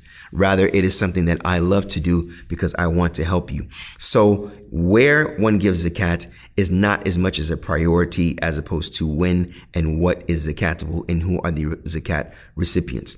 May Allah subhanahu wa ta'ala make you of those individuals that give your zakat on time and may He make you of those that are diligent and remember that this is a means of coming close to Allah ta'ala. Assalamu alaikum wa rahmatullahi wa barakatuh. Thank you.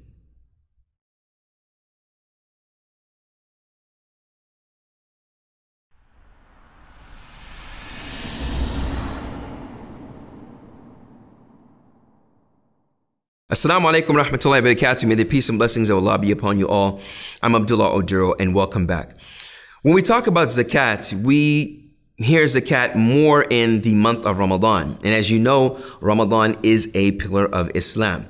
And zakat is a pillar of Islam. So one can be confused. Okay, I hear zakat in the last couple of days of Ramadan, but then I hear zakat as a pillar of Islam that can be paid at any time. The scholars have have separated or categorize zakat in two in general. There's a zakat of the body and the zakat of the money or the wealth. The zakat that they're referring to in Ramadan is called zakatul fitr. Zakatul fitr. That is the zakat that is given at the end of Ramadan and is given to the poor people. Roughly, it is generally here in America, it is eight to ten dollars. Preferably, if you give the staple food of your locality to any poor individual, any needy person, that is called zakatul fitr. That is where you take a certain amount and Islamically, it comes to arbaat amdad, which is four handfuls of an amount of food, rice, barley, something staple. Or in, in our time, some scholars even mention taking a meal that is the same value of those four handfuls of food, which is roughly in our time, eight to ten dollars. You give that to the poor. That is the zakat of Ramadan. That is tied to Ramadan, which is obligatory for the Muslim to give. But the pillar of Islam that is the zakats that we are talking about is the ones where we where we mention the four categories and you take 2.5% of your surplus wealth if it has reached a certain threshold in time or in amount depending on the item of zakat from the four types that we have talked about. May Allah subhanahu wa ta'ala bless you with clarity and make you of those upon this clarity work in conjunction with your organizations and always consult your heart to do that what's right. Assalamu alaikum wa rahmatullahi wa barakatuh. Thank you.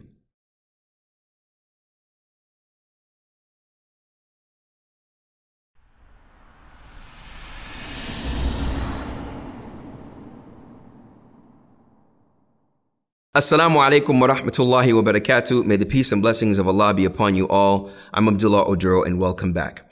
There was a lady that I met in the gym one time. Her name was Jocelyn. And she was someone that loved to run. But when I asked her what she loved to do, I found out that running was her hobby. Running was her hobby.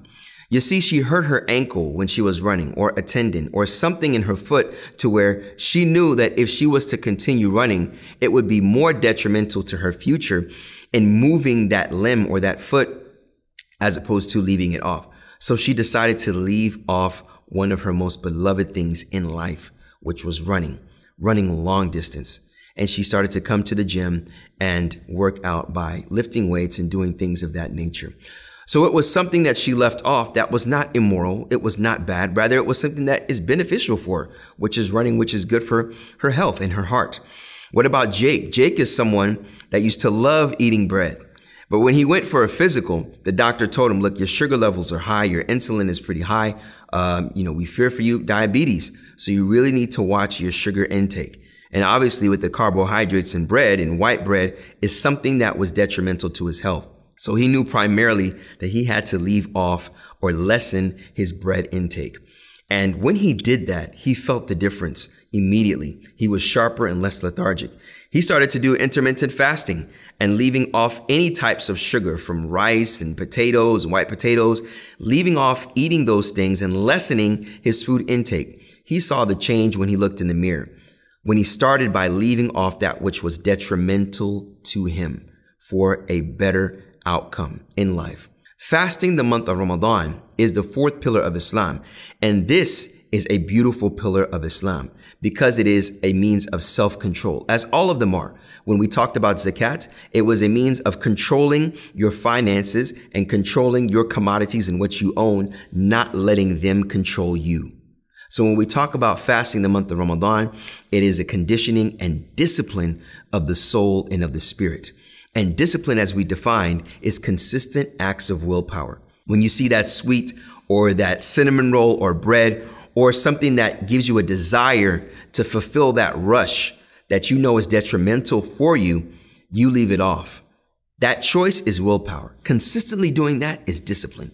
So within everything that Allah instructs, it's in order to make us disciplined, principles, individuals to fulfill our ultimate purpose in life. And Ramadan is a means in doing that, to make us mindful of which is called the muttaqeen. When looking at this month of Ramadan, that is what we're talking about in the pillar of Islam of fasting. You can fast in general, but it's particularly talking about the 30 days in the ninth month of the Islamic calendar. May Allah subhanahu wa ta'ala make you disciplined individuals and those that know how to tame our souls for that which is better for our souls and those around us. Assalamu alaikum wa rahmatullahi wa barakatuh. Thank you.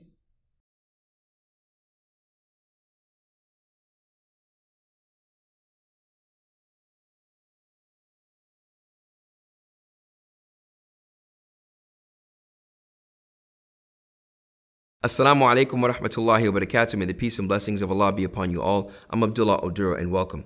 Who is fasting obligatory upon?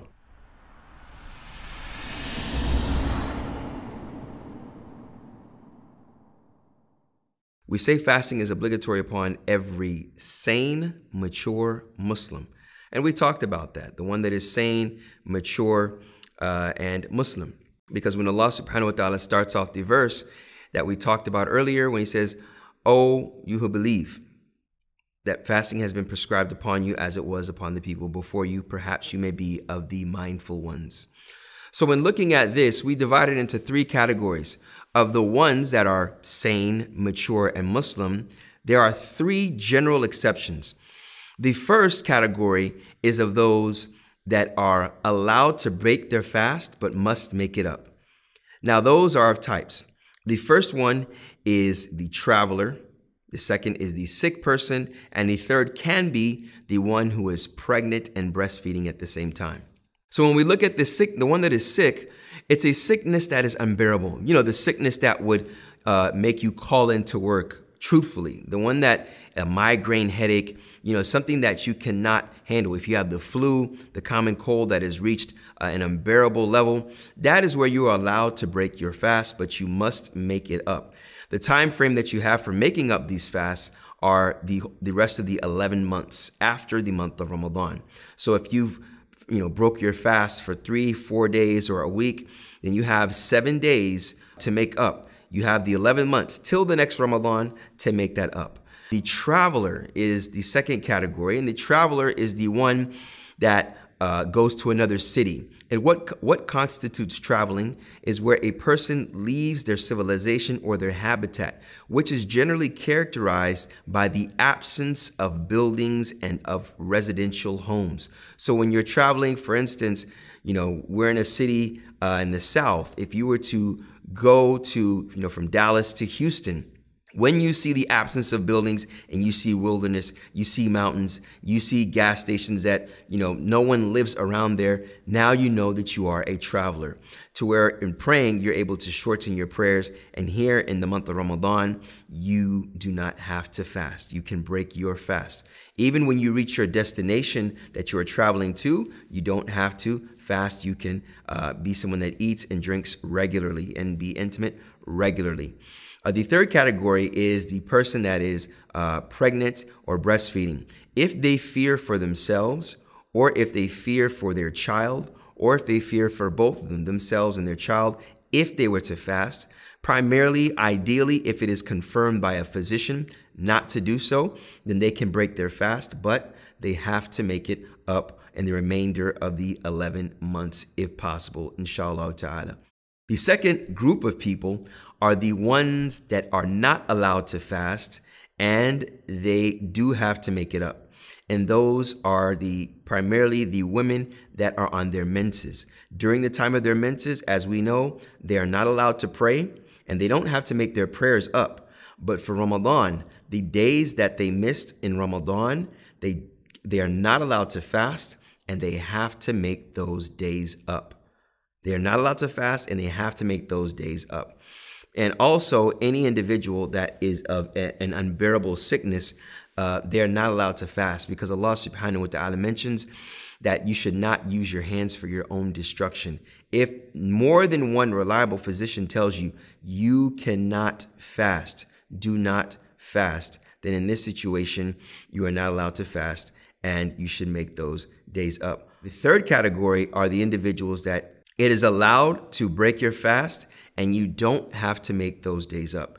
And depending on the condition, uh, then you may it may not be allowed for you to fast. You may fall into the second category, depending. What do we mean by that? The elderly person is the first category. The one who is elderly and has been told by a physician that you cannot fast because of your your chronic condition your situation to where you will have to eat you have to get your sugar intake you know whatever the case may be to where he confirms that you have to take a certain amount of uh, medicine maybe insulin or something of this nature some type of uh, something that uh, uh, gives you nourishes you then you cannot fast or it's allowed for you to uh, not fast. But you do not have to make the days up but you have to feed a poor person for every day missed. It's preferable to feed the poor person upon the commencement of Maghrib prayer. When people are breaking their fast, that is when you can go and feed a poor person. For every day missed being 30 days. Now, the way that you can do that are numerous.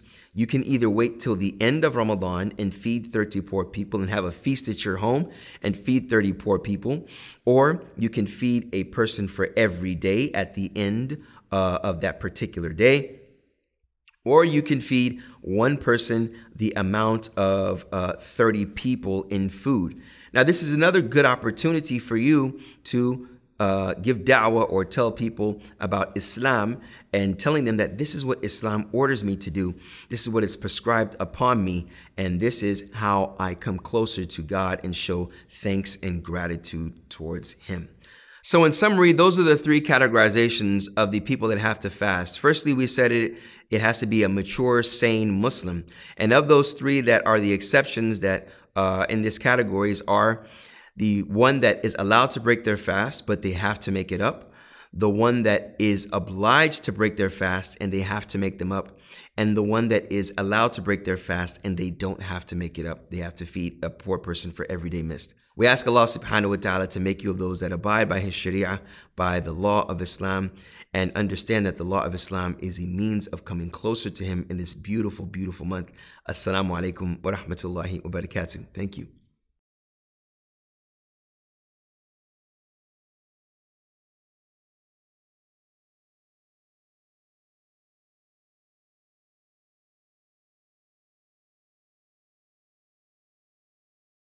Assalamu alaikum wa rahmatullahi wa barakatuh. May the peace and blessings of Allah be upon you all. I'm Abdullah Oduro and welcome back.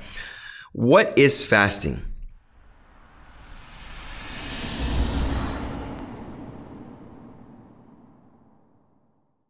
Fasting is defined as voluntary deprivation for spiritual conditioning. You voluntarily deprive yourself of eating, drinking, and intimacy with your, the opposite gender from sunup to sundown for means of coming closer to Allah the Exalted.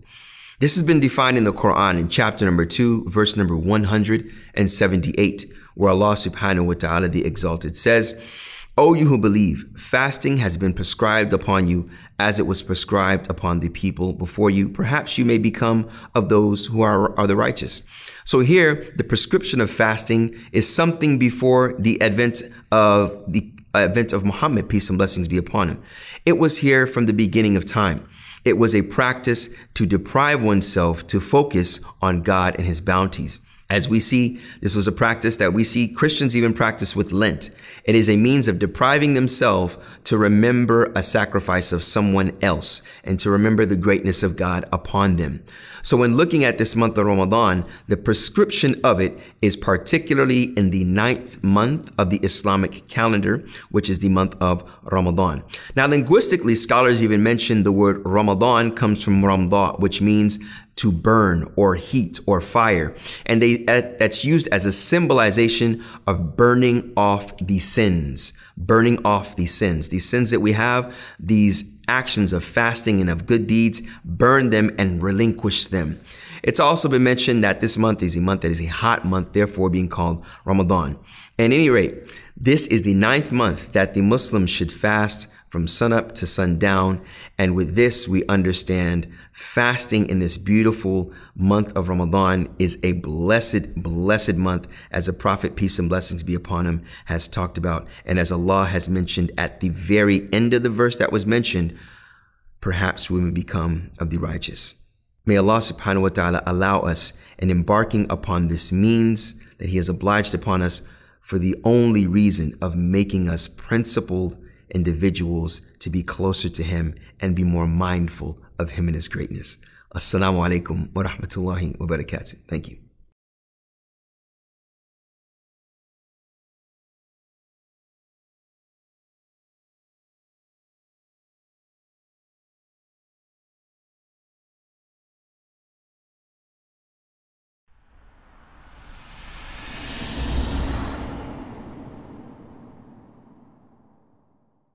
Assalamu alaikum wa rahmatullahi wa barakatuh. May the peace and blessings of Allah be upon you all. I'm Abdullah Oduro and welcome. This is a interesting issue that we're going to talk about. It's one of the W's of Ramadan, but it's a W of Ramadan that you're going to encounter. But upon encountering this, don't let this shake your conviction or your love of the community or the Muslim ummah, etc. When is Ramadan? You're probably sitting with a friend now, uh, a person that's a seasoned Muslim, or someone that knows exactly what I'm talking about with these three words. When is Ramadan? This is a trial or a test for us. We can use the word challenge for us as Muslims. Let's start off with what we all know. Firstly, Ramadan is the ninth month of the Islamic calendar. Now, the Ramadan is 29 or 30 days, depending on the rotation of the moon and when it is spotted. Ramadan is from sunup to sundown, meaning that upon the entrance of the Fajr prayer is when one should start to fast. After the entrance of the time of the Fajr prayer, the time that you see on the prayer schedule, if it says 650, by 650 you should stop eating, stop drinking. You cannot have intimacy with your mate all the way till the Maghrib prayer. When the Maghrib evening sundown, the sundown prayer comes in, that's when you can commence to eating, drinking, and being with your spouse intimately. You should stop eating and drinking from that time span from Fajr to Maghrib on a daily basis for 30 days within this ninth month of the Islamic calendar. How does one determine the entrance of the month? Now, as we know with the lunar calendar, the beginning of the month is spotted by the crescent moon. As when we see in the sky, there's a crescent moon, that is when the month starts. Now, typically, it should be a trustworthy individual that sees the entrance of the month of Ramadan being the crescent moon. But nowadays, within your masjid, your imam, or there are organizations that are trustworthy, that are well known and reliable, they can tell you when the entrance of the moon comes in. And that is done by an imam or the likes of them. So when you are told by a trustworthy individual that the interest of Ramadan has come in, that's when the next day or the next day at Fajr prayer, you start to fast. Now, what you're going to find as a side point, as a, an important point, is that you will find Muslims, they may not start on the same day. Do not let this discourage you from fasting the month of Ramadan. Because sometimes we'll say the Muslims are not unified. You know, I have a calendar and I need to know when to tell my job, when I fast. You know, you'll find certain opinions of scholars that say, no, we have to see it and we can't know until the night before. Basically, after the night prayer, we'll be able, after the night prayer on Monday, we'll be able to tell you if you're able to fast on Tuesday right? So that's where, where you may find some people have that opinion. You may find others have the opinion that say, look, we need to determine this 12 months in advance to know when we can take our vacations, etc. Therefore, we look on the calendar and we go by calculations, by calculating through science and seeing when the birth and the death of the moon take place, when that will happen. So we approximate and nowadays we can be exact to find out when the birth of the moon will happen. So we know that Ramadan will be on the 28th of June and we are in January, for instance. My advice to you is go with your local community or go with the individuals that you trust in your local community that have knowledge and taqwa and what you can perceive as mindfulness and fear of Allah. Follow them and inshallah, Allah is the all knowledgeable. He's the all wise. He's the all merciful. And he is thankful for you that you are practicing this fasting in the month of Ramadan. Whether you fasted a day in advance or you, you had your Eid on the day after that, Allah knows best. The most important thing is that you are trying. The conclusion of Ramadan is characterized by what is called the Eid, EID. And Eid linguistically means to repeat or to be consistent, to come after one after the other. So this obviously will be every year. The Eid is the day after you conclude your Ramadan. So if it is the 30th day, so let's say you break your fast on the last day uh, at Maghrib. At Maghrib prayer, you break your fast. You will be told, okay, this is the last day of Ramadan. Tomorrow will be Eid.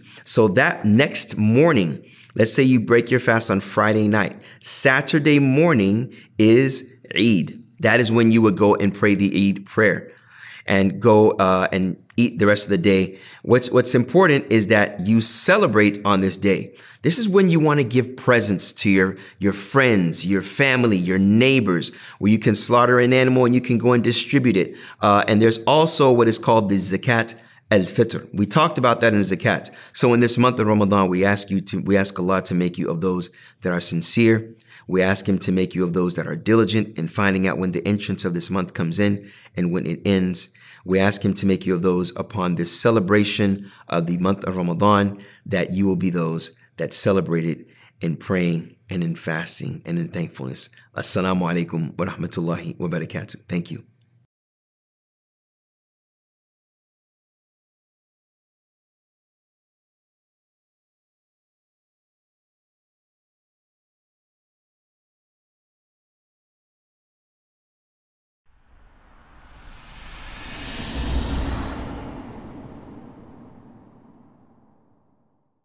Assalamu alaikum wa rahmatullahi wa barakatuh. May the peace and blessings of Allah be upon you all. I'm Abdullah Oduro and welcome. Why do we fast?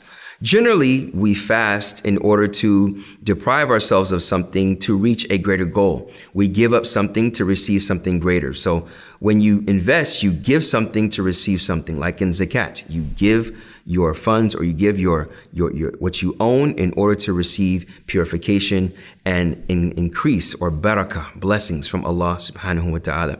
In Ramadan, yes, we do this to receive blessings, but we deprive ourselves of something that is permissible and allowed for us for a greater purpose. That is why we primarily we fast. And what do we want to receive or what is that greater purpose or greater goal? It's to be conscious of God's presence upon us, to be mindful of his greatness. And that greatness will increase us in our worship of him. The more knowledge that we have of him, the more opportunity we have to get closer to him in the way that he wants us to. And fasting is one of the ways that he wants us to, and he has prescribed for us. As we've mentioned, chapter number two, verse number 178, where Allah says, Oh, you have believed. Fasting has been prescribed upon you as it was prescribed upon the people before you. Perhaps you may come, become of the righteous. Now, fasting is a prescription that Allah has obliged upon us. Let's stop here for a minute. Consider this. Allah obliging something on you, making something obligatory for you. When we look at his name of Ar-Rahman, the merciful, being that he withholds anything that is harmful for you from you. Anything that causes harm to you, he relinquishes that and keeps that away from you. And Allah being uh, uh, Al-Alim, the knowledge of you, of what you conceal and what you reveal, what you hide and what you make apparent to people. He knows your feelings. He knows what you're hiding. And Al Hakim, that He appropriates that knowledge at the perfect time, perfect place, perfect situation. When we look at that and remember that, we remember that if He obliges something upon us, let's not forget that that obligation, the fact that it is obligatory and not recommended, if we were to do it, it's best for us. That's where your iman and belief and trust and love and submission in Him comes into play. That is where the closeness and relationship is established and strengthened further, allowing and forming that conviction in Him. So when He prescribes something, the approach of the believer, the strong believer, says, Whatever He obliges me to do, I hear and I obey. As Allah mentions in another portion of the Quran, they're the ones that say we hear and we obey, the believers. So the obligation of Ramadan upon us should be something that we should haste to do. Yes, it's going to be difficult. No eating, no drinking, and no intimacy from sunup to sundown is going to be difficult. But understanding the purpose and goal behind it, which should serve as a driving mechanism behind continuing and staying strong. So he says, For those that believe, it has been obliged upon you as the people before you. This was a means for the people before us, from the Christians and the Jews and the likes of them, that fasting was a means of obtaining righteousness. That's why he concludes the verse with, لَعَلَّكُمْ تَتَّقُونَ Perhaps you will be of the righteous, because some of us may fast and we're thinking about food. Some of us may fast and we're thinking about our spouse.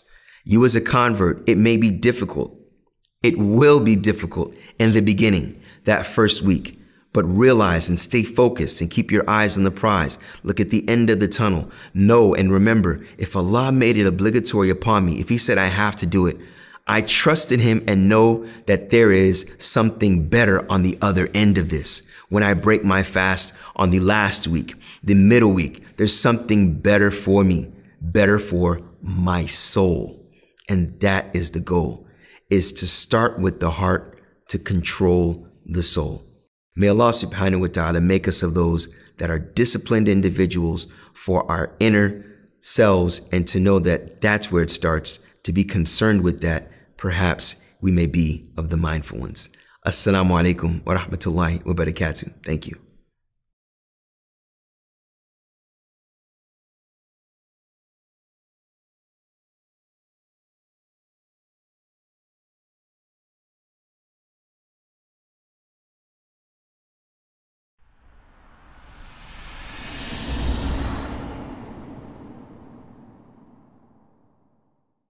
Assalamu alaikum rahmatullahi wa barakatuh. May the peace and blessings of Allah be upon you all. I'm Abdullah Oduro and welcome.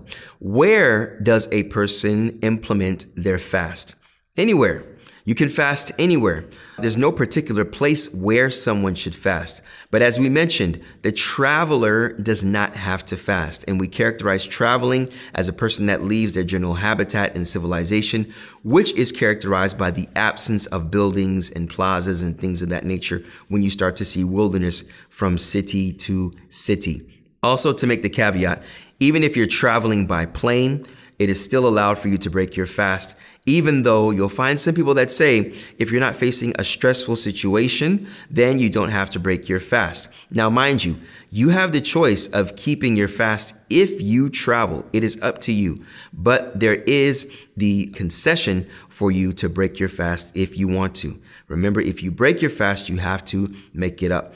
But some scholars mention if you're not facing a stressful situation and if it's not that stressful upon you, you can keep your fast to where you don't have to make it up in the future. And that is better for someone to do it in those prescribed days. But in conclusion, there is no particular place where one should break their fast.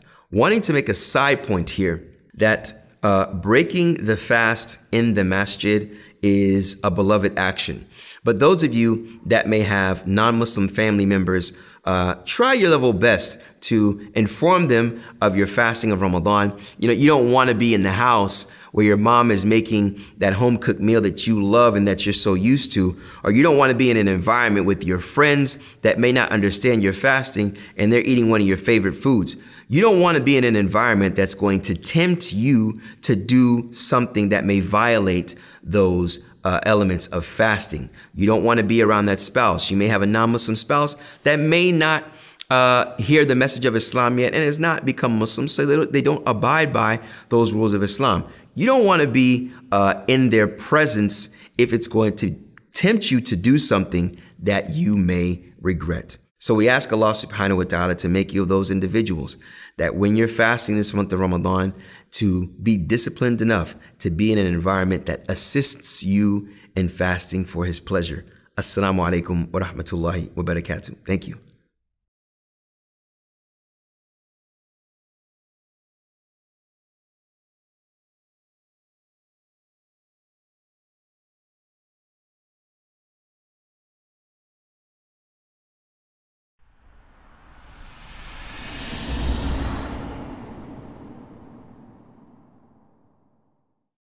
Assalamu alaikum wa rahmatullahi wa barakatuh. May the peace and blessings of Allah be upon you all. I'm Abdullah Oduro and welcome. A young woman walks in the mosque and she sees a group of sisters standing around one particular sister. She walks up to that group wondering what's going on and she notices that these women have pieces of paper with requests on them, with du'as, prayers, and they're handing it to this sister and they're saying, okay, you know, please make this du'a for me. This is for my relative. This is for my friend. This is for me. And the sister that walked in the mosque is wondering why are they doing this? You see, the sister was a convert and she didn't know why they were handing her these prayers. They were thinking, she was thinking, is this a righteous sister to that level? Why is this sister so special? Come to find out that this sister was going to make the pilgrimage to Mecca. And that's when it really hit her. You see, she remembers one time that her husband was telling her when he converted to Islam how he was dumbfounded when he walked into the apartment of one of his friends and it was a TV screen, and on the TV screen was the Kaaba, the house of Allah that is symbolized to be the house of Allah. And he was amazed by the people just circumambulating around him, the unity when they would stop to pray and all go into the bowing position, all in unison, all in synchronization, all saying Ameen, which is like Amen, all saying this at the same time the uniformity and how all of this is in one direction to the same God. It was amazing to him. This is what he told her. When she saw that, she immediately remembered what her husband told her. A couple of weeks later, that sister that received all those requests that went to the pilgrimage came back to the mosque. And the sister that walked in the mosque saw how elated all the sisters were when seeing this pilgrim come back from Mecca and how they all lined up to talk to her. And she remembered at that time when she embraced Islam and how everyone was lining up to hug her and to congratulate her.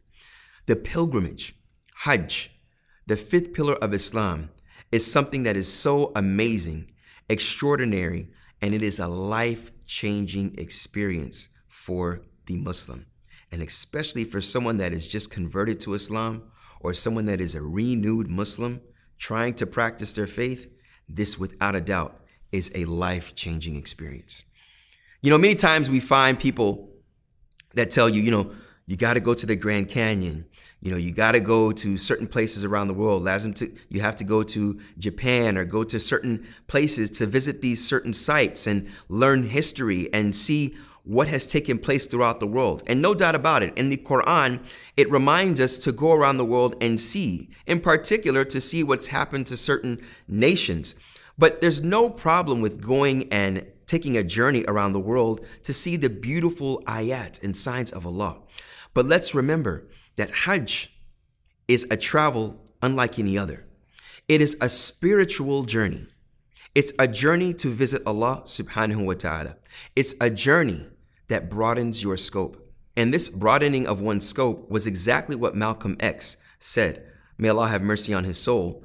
An individual that fought against dehumanization and prejudice and stereotypes and racism against non whites, particularly African Americans, when he said, Never have I experienced such sincere hospitality and true brotherhood as displayed by people of all races and colors in this ancient holy land the home of Abraham, Muhammad, and all of the other prophets of the Holy Scriptures. In the past week, I have been utterly speechless and spellbound by the graciousness displayed around me by people of all colors.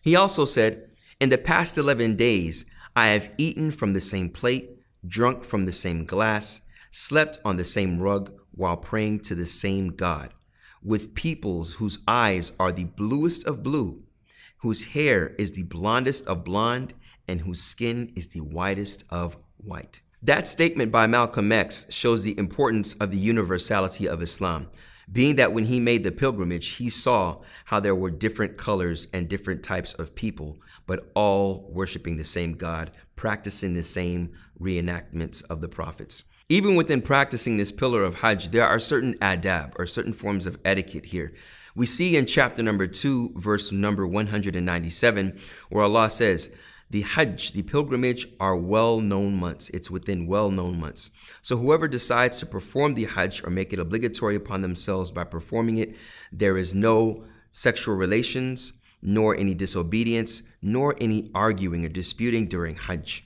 And whoever does it, Allah is well aware of what you do. Whatever good you do, Allah is well aware of it. So take your provisions, for verily the best provision is that of piety. So fear me, O people of understanding. So understanding that Allah subhanahu wa ta'ala, the exalted, within performing this pillar, there are certain etiquettes that we will talk about inshallah. Allah says in chapter number 3, verse number 97, And for Allah upon the people is to make the pilgrimage to the house, whoever is able to do so. But whoever disbelieves, indeed Allah is free from any need of the worlds. So, in understanding that Allah has obliged this upon us, and being that Hajj is something that if you're able to do so, we understand the mercy of Allah when performing or trying your level best to perform that pillar of Islam.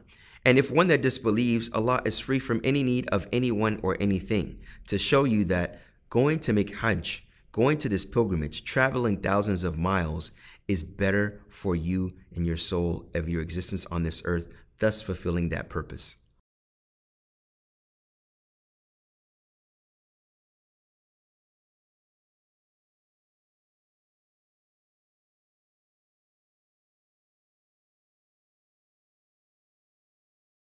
What is this Hajj that we are talking about?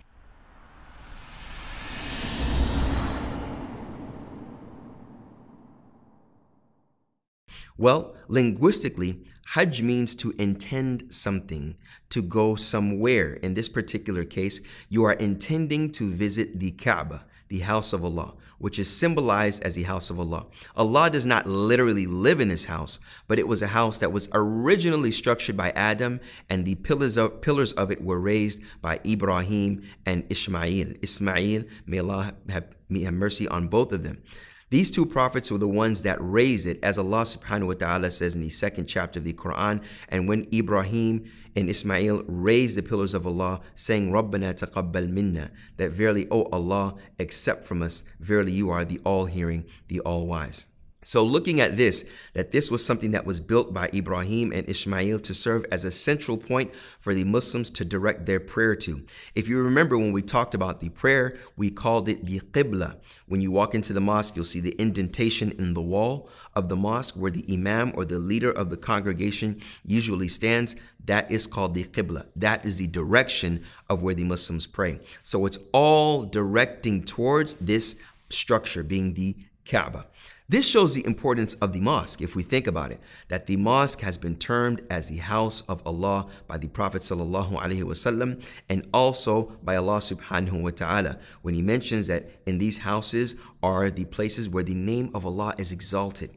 And no doubt about it, when you're in the mosque with you know other people 20 30 100 sometimes for just one prayer all of you are praising Allah prostrating bowing to him this is definitely a place of spiritual purification, spiritual renewal, as we talked about reflection, renewal, and redemption. This is definitely the place where that happens. So when you are going to the Grand Mosque, the most holy mosque in the world, where the Prophet, peace and blessings be upon him, that it is one prayer in this mosque is equivalent to 100,000 prayers if one is sincere, going to this house of Allah, traveling thousands of miles to come to this house, to show respect to it, to visit it, to circumambulate around it, to pray to Allah subhanahu wa ta'ala, and to perform certain other practices in this season is without a doubt an understanding of why this is chosen to be a pillar of Islam.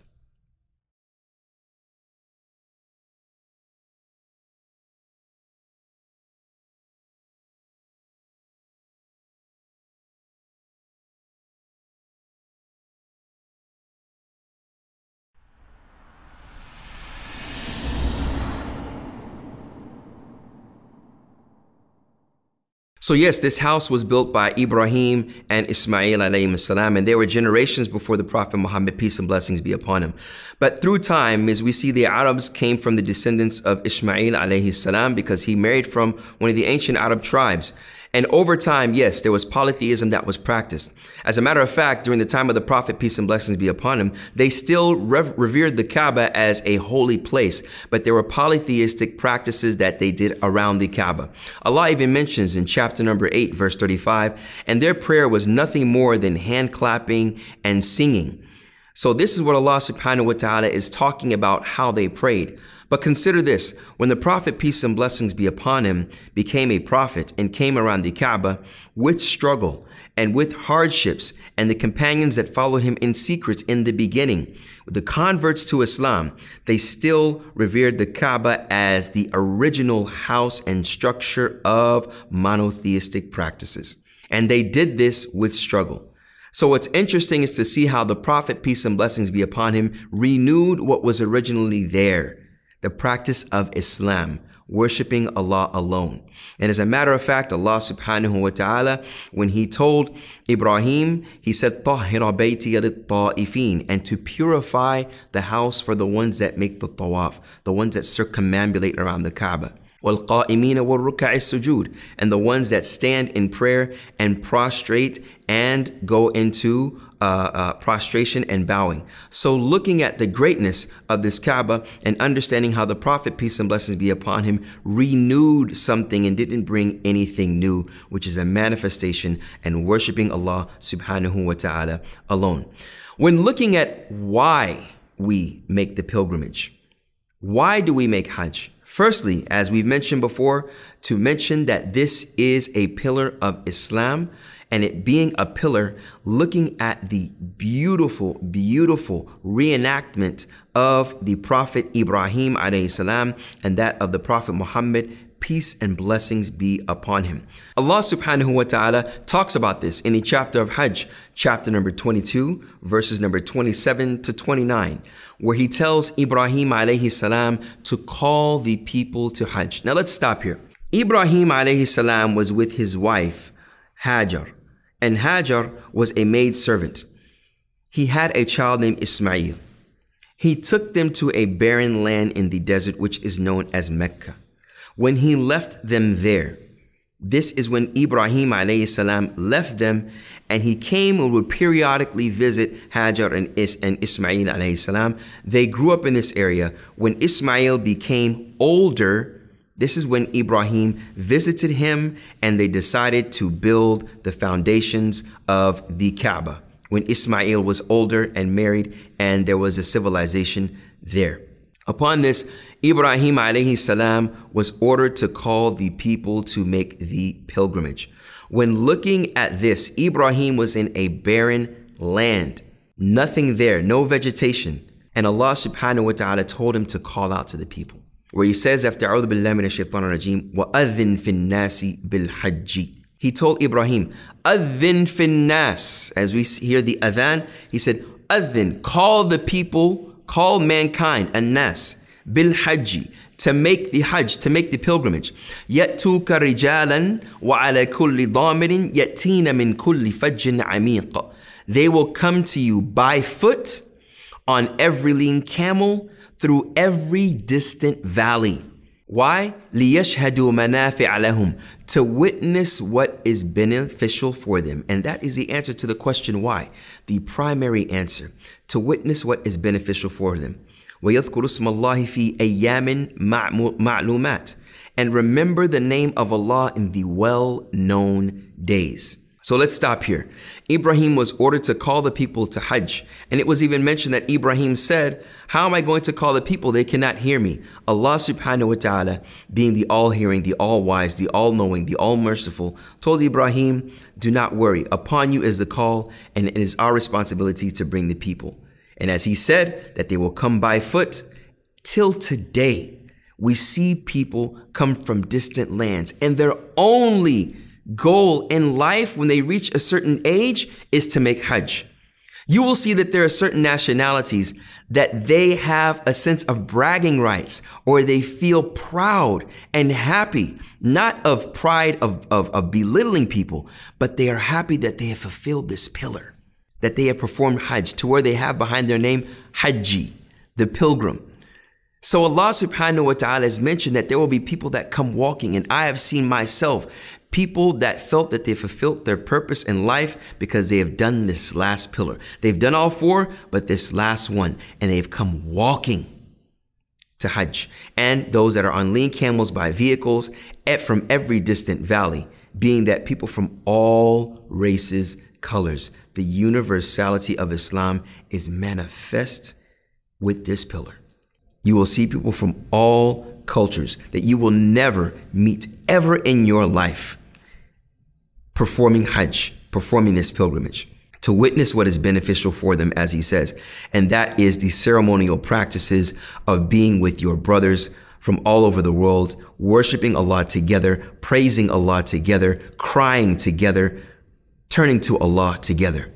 And then Allah subhanahu wa ta'ala mentions in these well-known days, which we will talk about, and then distributing the meat And they mention the name of Allah and distribute the meat because they have sacrificed an animal, which is on the 10th day.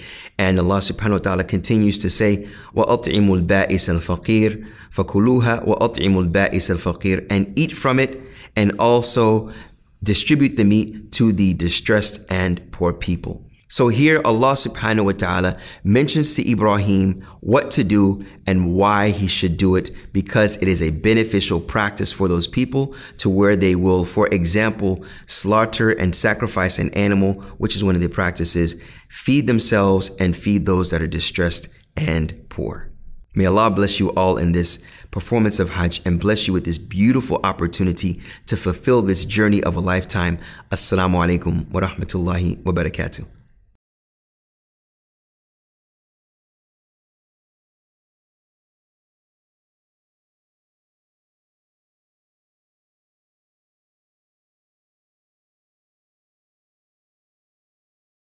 Assalamu alaikum wa rahmatullahi wa barakatuh. May the peace and blessings of Allah be upon you all. I'm Abdullah Oduro and welcome. When is Hajj? When is the ceremonial practices of the Prophet Ibrahim salam to be performed?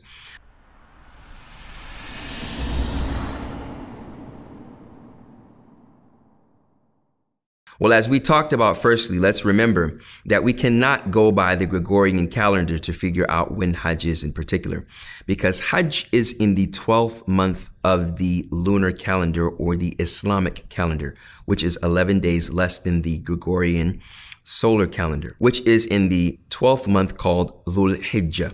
Now, Dhul Hijjah is the last month of the Islamic calendar. Yes, we do have 12 months, which has been confirmed in the Quran.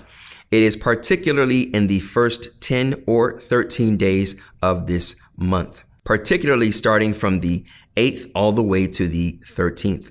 Now, Allah subhanahu wa ta'ala, within His wisdom, as we know, there there are some connections between the Bible and the Quran, but the Quran may confirm certain things that may we may find in other scriptures in the Torah and in the Bible.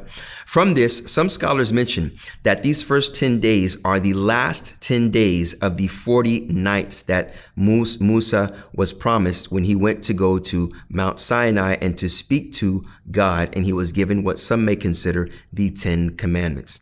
As Allah the Exalted says in chapter number 7, verse number 142, after أعوذ بالله من الشيطان الرجيم وواعدنا موسى ثلاثين ليلة وأتممناها بعشر فتم ميقات ربه أربعين ليلة Allah subhanahu wa ta'ala says وواعدنا موسى ثلاثين ليلة and we have promised Musa or given Moses 30 nights and then we completed it with 10 so it has been formed to be أربعين ليلة 40 nights and some scholars say here, these 10 nights that were added are the first 10 nights of the month of Dhul Hijjah. And then Allah continues on to say here, after أعوذ بالله من الشيطان الرجيم وقال موسى لأخيه هارون اخلفني في قومي وأصلح ولا تتبع سبيل المفسدين. Then Moses says to his brother Aaron, Harun, وقال موسى لأخيه هارون اخلفني في قومي وأصلح ولا تتبع سبيل المفسدين. Then Moses said to his brother Aaron, Take my place and do right, and do not follow the way of the wrongdoers. So he left his brother Aaron with the Israelites so he could go and meet Allah subhanahu wa ta'ala at the Mount Mount Sinai or speak to Allah subhanahu wa ta'ala to be given the commandments, which is further mentioned and further in the, in the next verses 143 through 145. It even talks about when Moses comes back.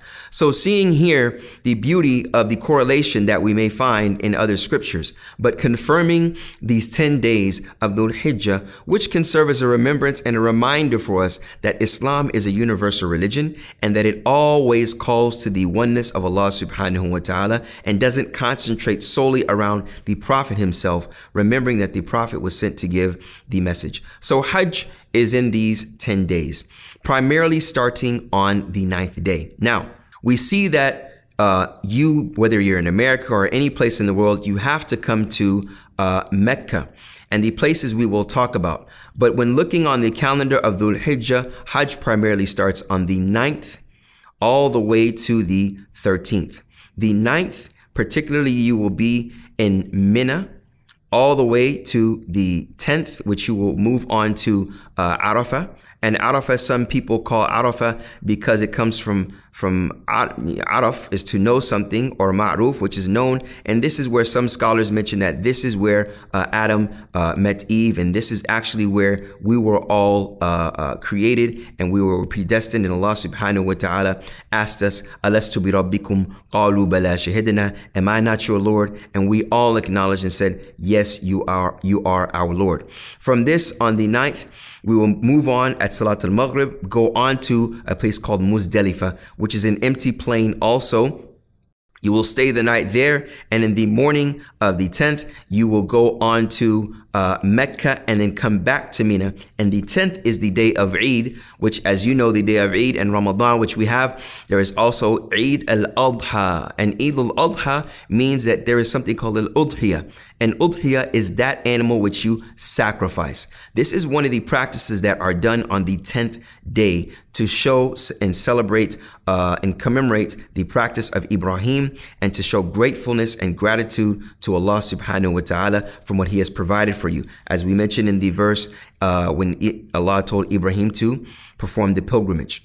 So the 10th will be the day of Eid. You're, there are certain things that you have to perform. Then you will move on back to Mina in the 11th and stay there by choice. You don't have to on the 12th and 13th. So typically and or generally, we see that Hajj is from the 9th to the 13th, but particularly the season of Hajj are a number of months, primarily four. And these days, the 10 days of Dhul Hijjah, they are, they are categorized or particularized because the Prophet, peace and blessings be upon him, mentioned that there are no days that the actions of good are best to perform on any days like the 10 days of Dhul Hijjah. And Allah knows best, there may be some connection and significance between those 10 days that Moses went to speak to his Lord, asked to speak to his Lord while fasting, and these beautiful 10 days of Dhul Hijjah. May Allah subhanahu wa ta'ala bless you to be of those that take advantage of your time and to be of those when taking advantage of that time, it's filled with remembrance, patience, love, and happiness. Assalamu alaikum wa rahmatullahi wa barakatuh. Thank you.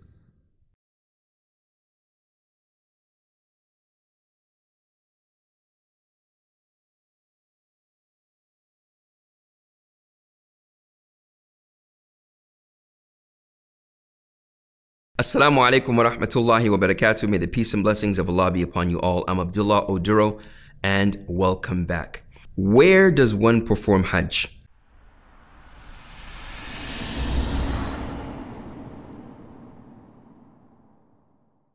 I know many of the other pillars, there was no real particular place as to where. There were preferable places, but in Hajj, there is a preferable place. Rather, this is the only place that one can perform Hajj, and that is primarily in Mecca. As we mentioned before, Allah subhanahu wa ta'ala, the Exalted, said, Upon mankind for Allah is to make the pilgrimage to the house of Allah. The Kaaba is in a valley in Mecca, and that is where we primarily go to visit. Now, there are four particular places where the pilgrim will stay and will visit and perform certain practices uh, in this season of Hajj or within these blessed days. They are Mecca, Muzdalifah, Mina, and Arafah. You will primarily start in Mecca, move on to Mina, and go to Arafah, then to Muzdalifah, and then back to Mecca and then Mina, and then stay at Mina at the very end. So those are the four primary places that one will be. Now, as a side point, which is an important point, and we'll go more in depth on the in the curriculum, inshallah, is that there are certain points or boundaries or checkpoints, if you will, that you will have to cross before entering Mecca. As we know, Mecca is called the Haram. You will hear, whether you're mentors or people in the mosque, you'll hear Masjid al-Haram. And the word haram, as you've probably heard before, means that which is prohibited or impermissible.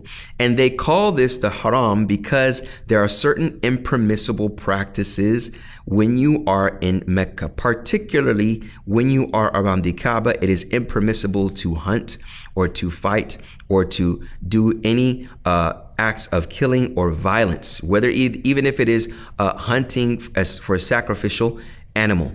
Now, when you get past these points, these points are called the mawaqit, which is plural for miqat. And miqat is a designated place or even time.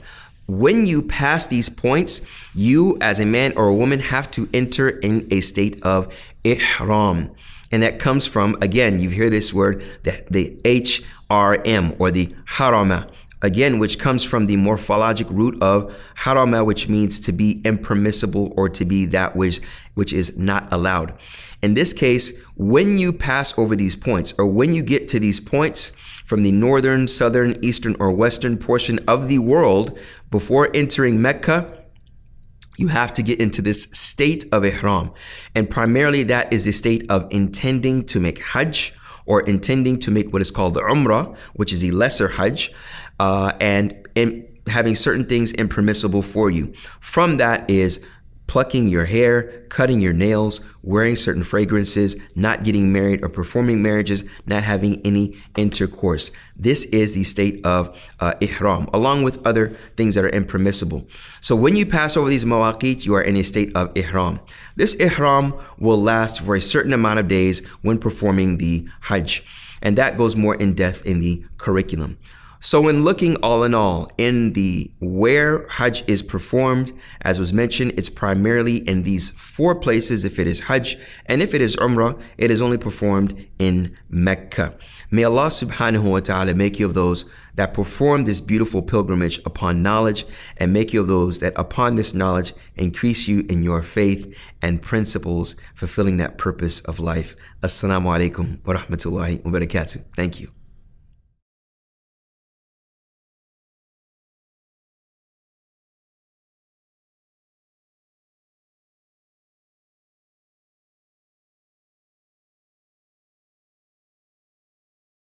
Assalamu alaikum wa rahmatullahi wa barakatuh. May the peace and blessings of Allah be upon you all. I'm Abdullah Oduro and welcome back. Who is Hajj obligatory upon?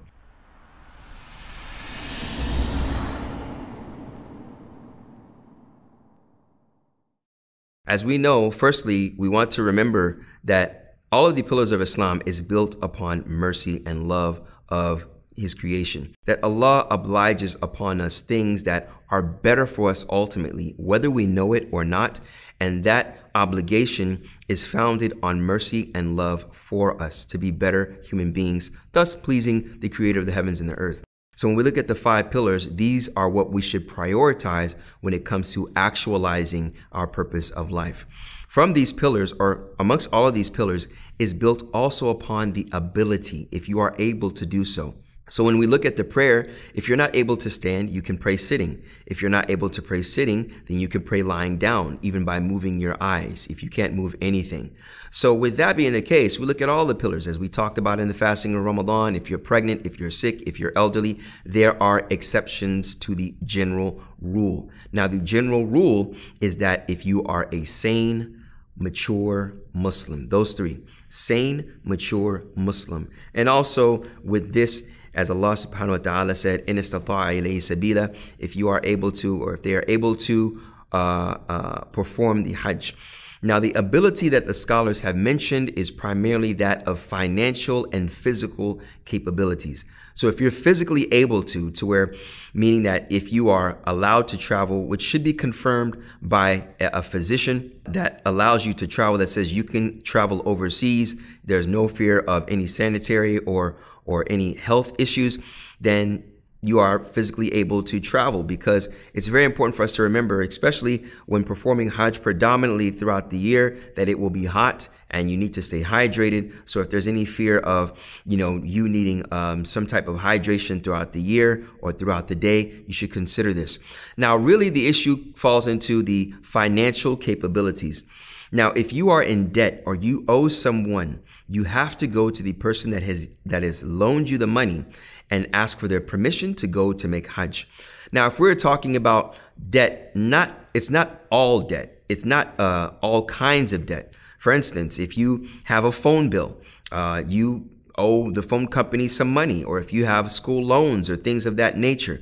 As long as there is a means to where you are paying them back or you have created a system to pay them back, that does not enter into the debt. If it is someone, a person, a person that has loaned you money and you have promised to pay them back and there is no set date or there is a set date and that date is after the season of Hajj, then it is befitting. It is befitting for you as a Muslim to go to them and to mention, look, you know, I have this pilgrimage and uh, it's only once a year and I have the opportunity to do it. But the money that I may use is that for which I owe you. Um, do you give the, do you permit for me? Do you allow me to go and make Hajj? If they say yes, then alhamdulillah, that's great. If they say no, you have to pay them that money back because that money that you have in actuality is their money. Now, even if it's a person that doesn't want you to make Hajj, it may be a relative that loans you money for your car, maybe a relative that doesn't like Islam and doesn't like you being a Muslim, and any way that they can hold you back from doing so, they will do so. You have to pay them back. Even if they say no in that spirit and in light of prohibiting you from being a Muslim, you have to pay them back because that is their right. That money in your pocket that is theirs is their right. And that in actuality, if they see that you were to stop or to prohibit yourself or not to perform something that is so dear to you because you are fulfilling a right of theirs. Is that not dawah? Is that not a means of showing that you are an upright person? You paying that person back that doesn't like you because you are Muslim is a means of worship because you are fulfilling a right. You are being just, and Allah loves justice. So when it comes to you performing the Hajj, every sane adult Muslim that is able to financially and physically perform the Hajj, it is upon them to do so. And remember, if you are someone that has all of that, a lot of money in your bank account, and you are someone that is able to pay zakat, and you have an amount of money that you are able to make Hajj, see if you can take off from work to make a request to have two weeks off, or if you have your yearly vacation, which is around two weeks, and even a week, and you have the money to make Hajj, which is primarily roughly around, we could say, 7,000 to up to $15,000, you are able to do that. My advice is to fulfill that as quick as possible. As some of the scholars have mentioned, that it is obligatory upon the Muslim when the possibility presents itself, that it is obligatory upon them to do so. So we ask Allah subhanahu wa ta'ala to make you of those that are eligible for Hajj, to bless you with good health, and to bless you to be financially capable to do so. إنه ولي ذلك وصلى الله وسلم وبارك على نبينا محمد وعلى آله وصحبه أجمعين. May Allah send peace and blessings upon Muhammad and all the prophets and those that follow them in righteousness. Assalamu alaikum wa rahmatullahi wa barakatuh. Thank you.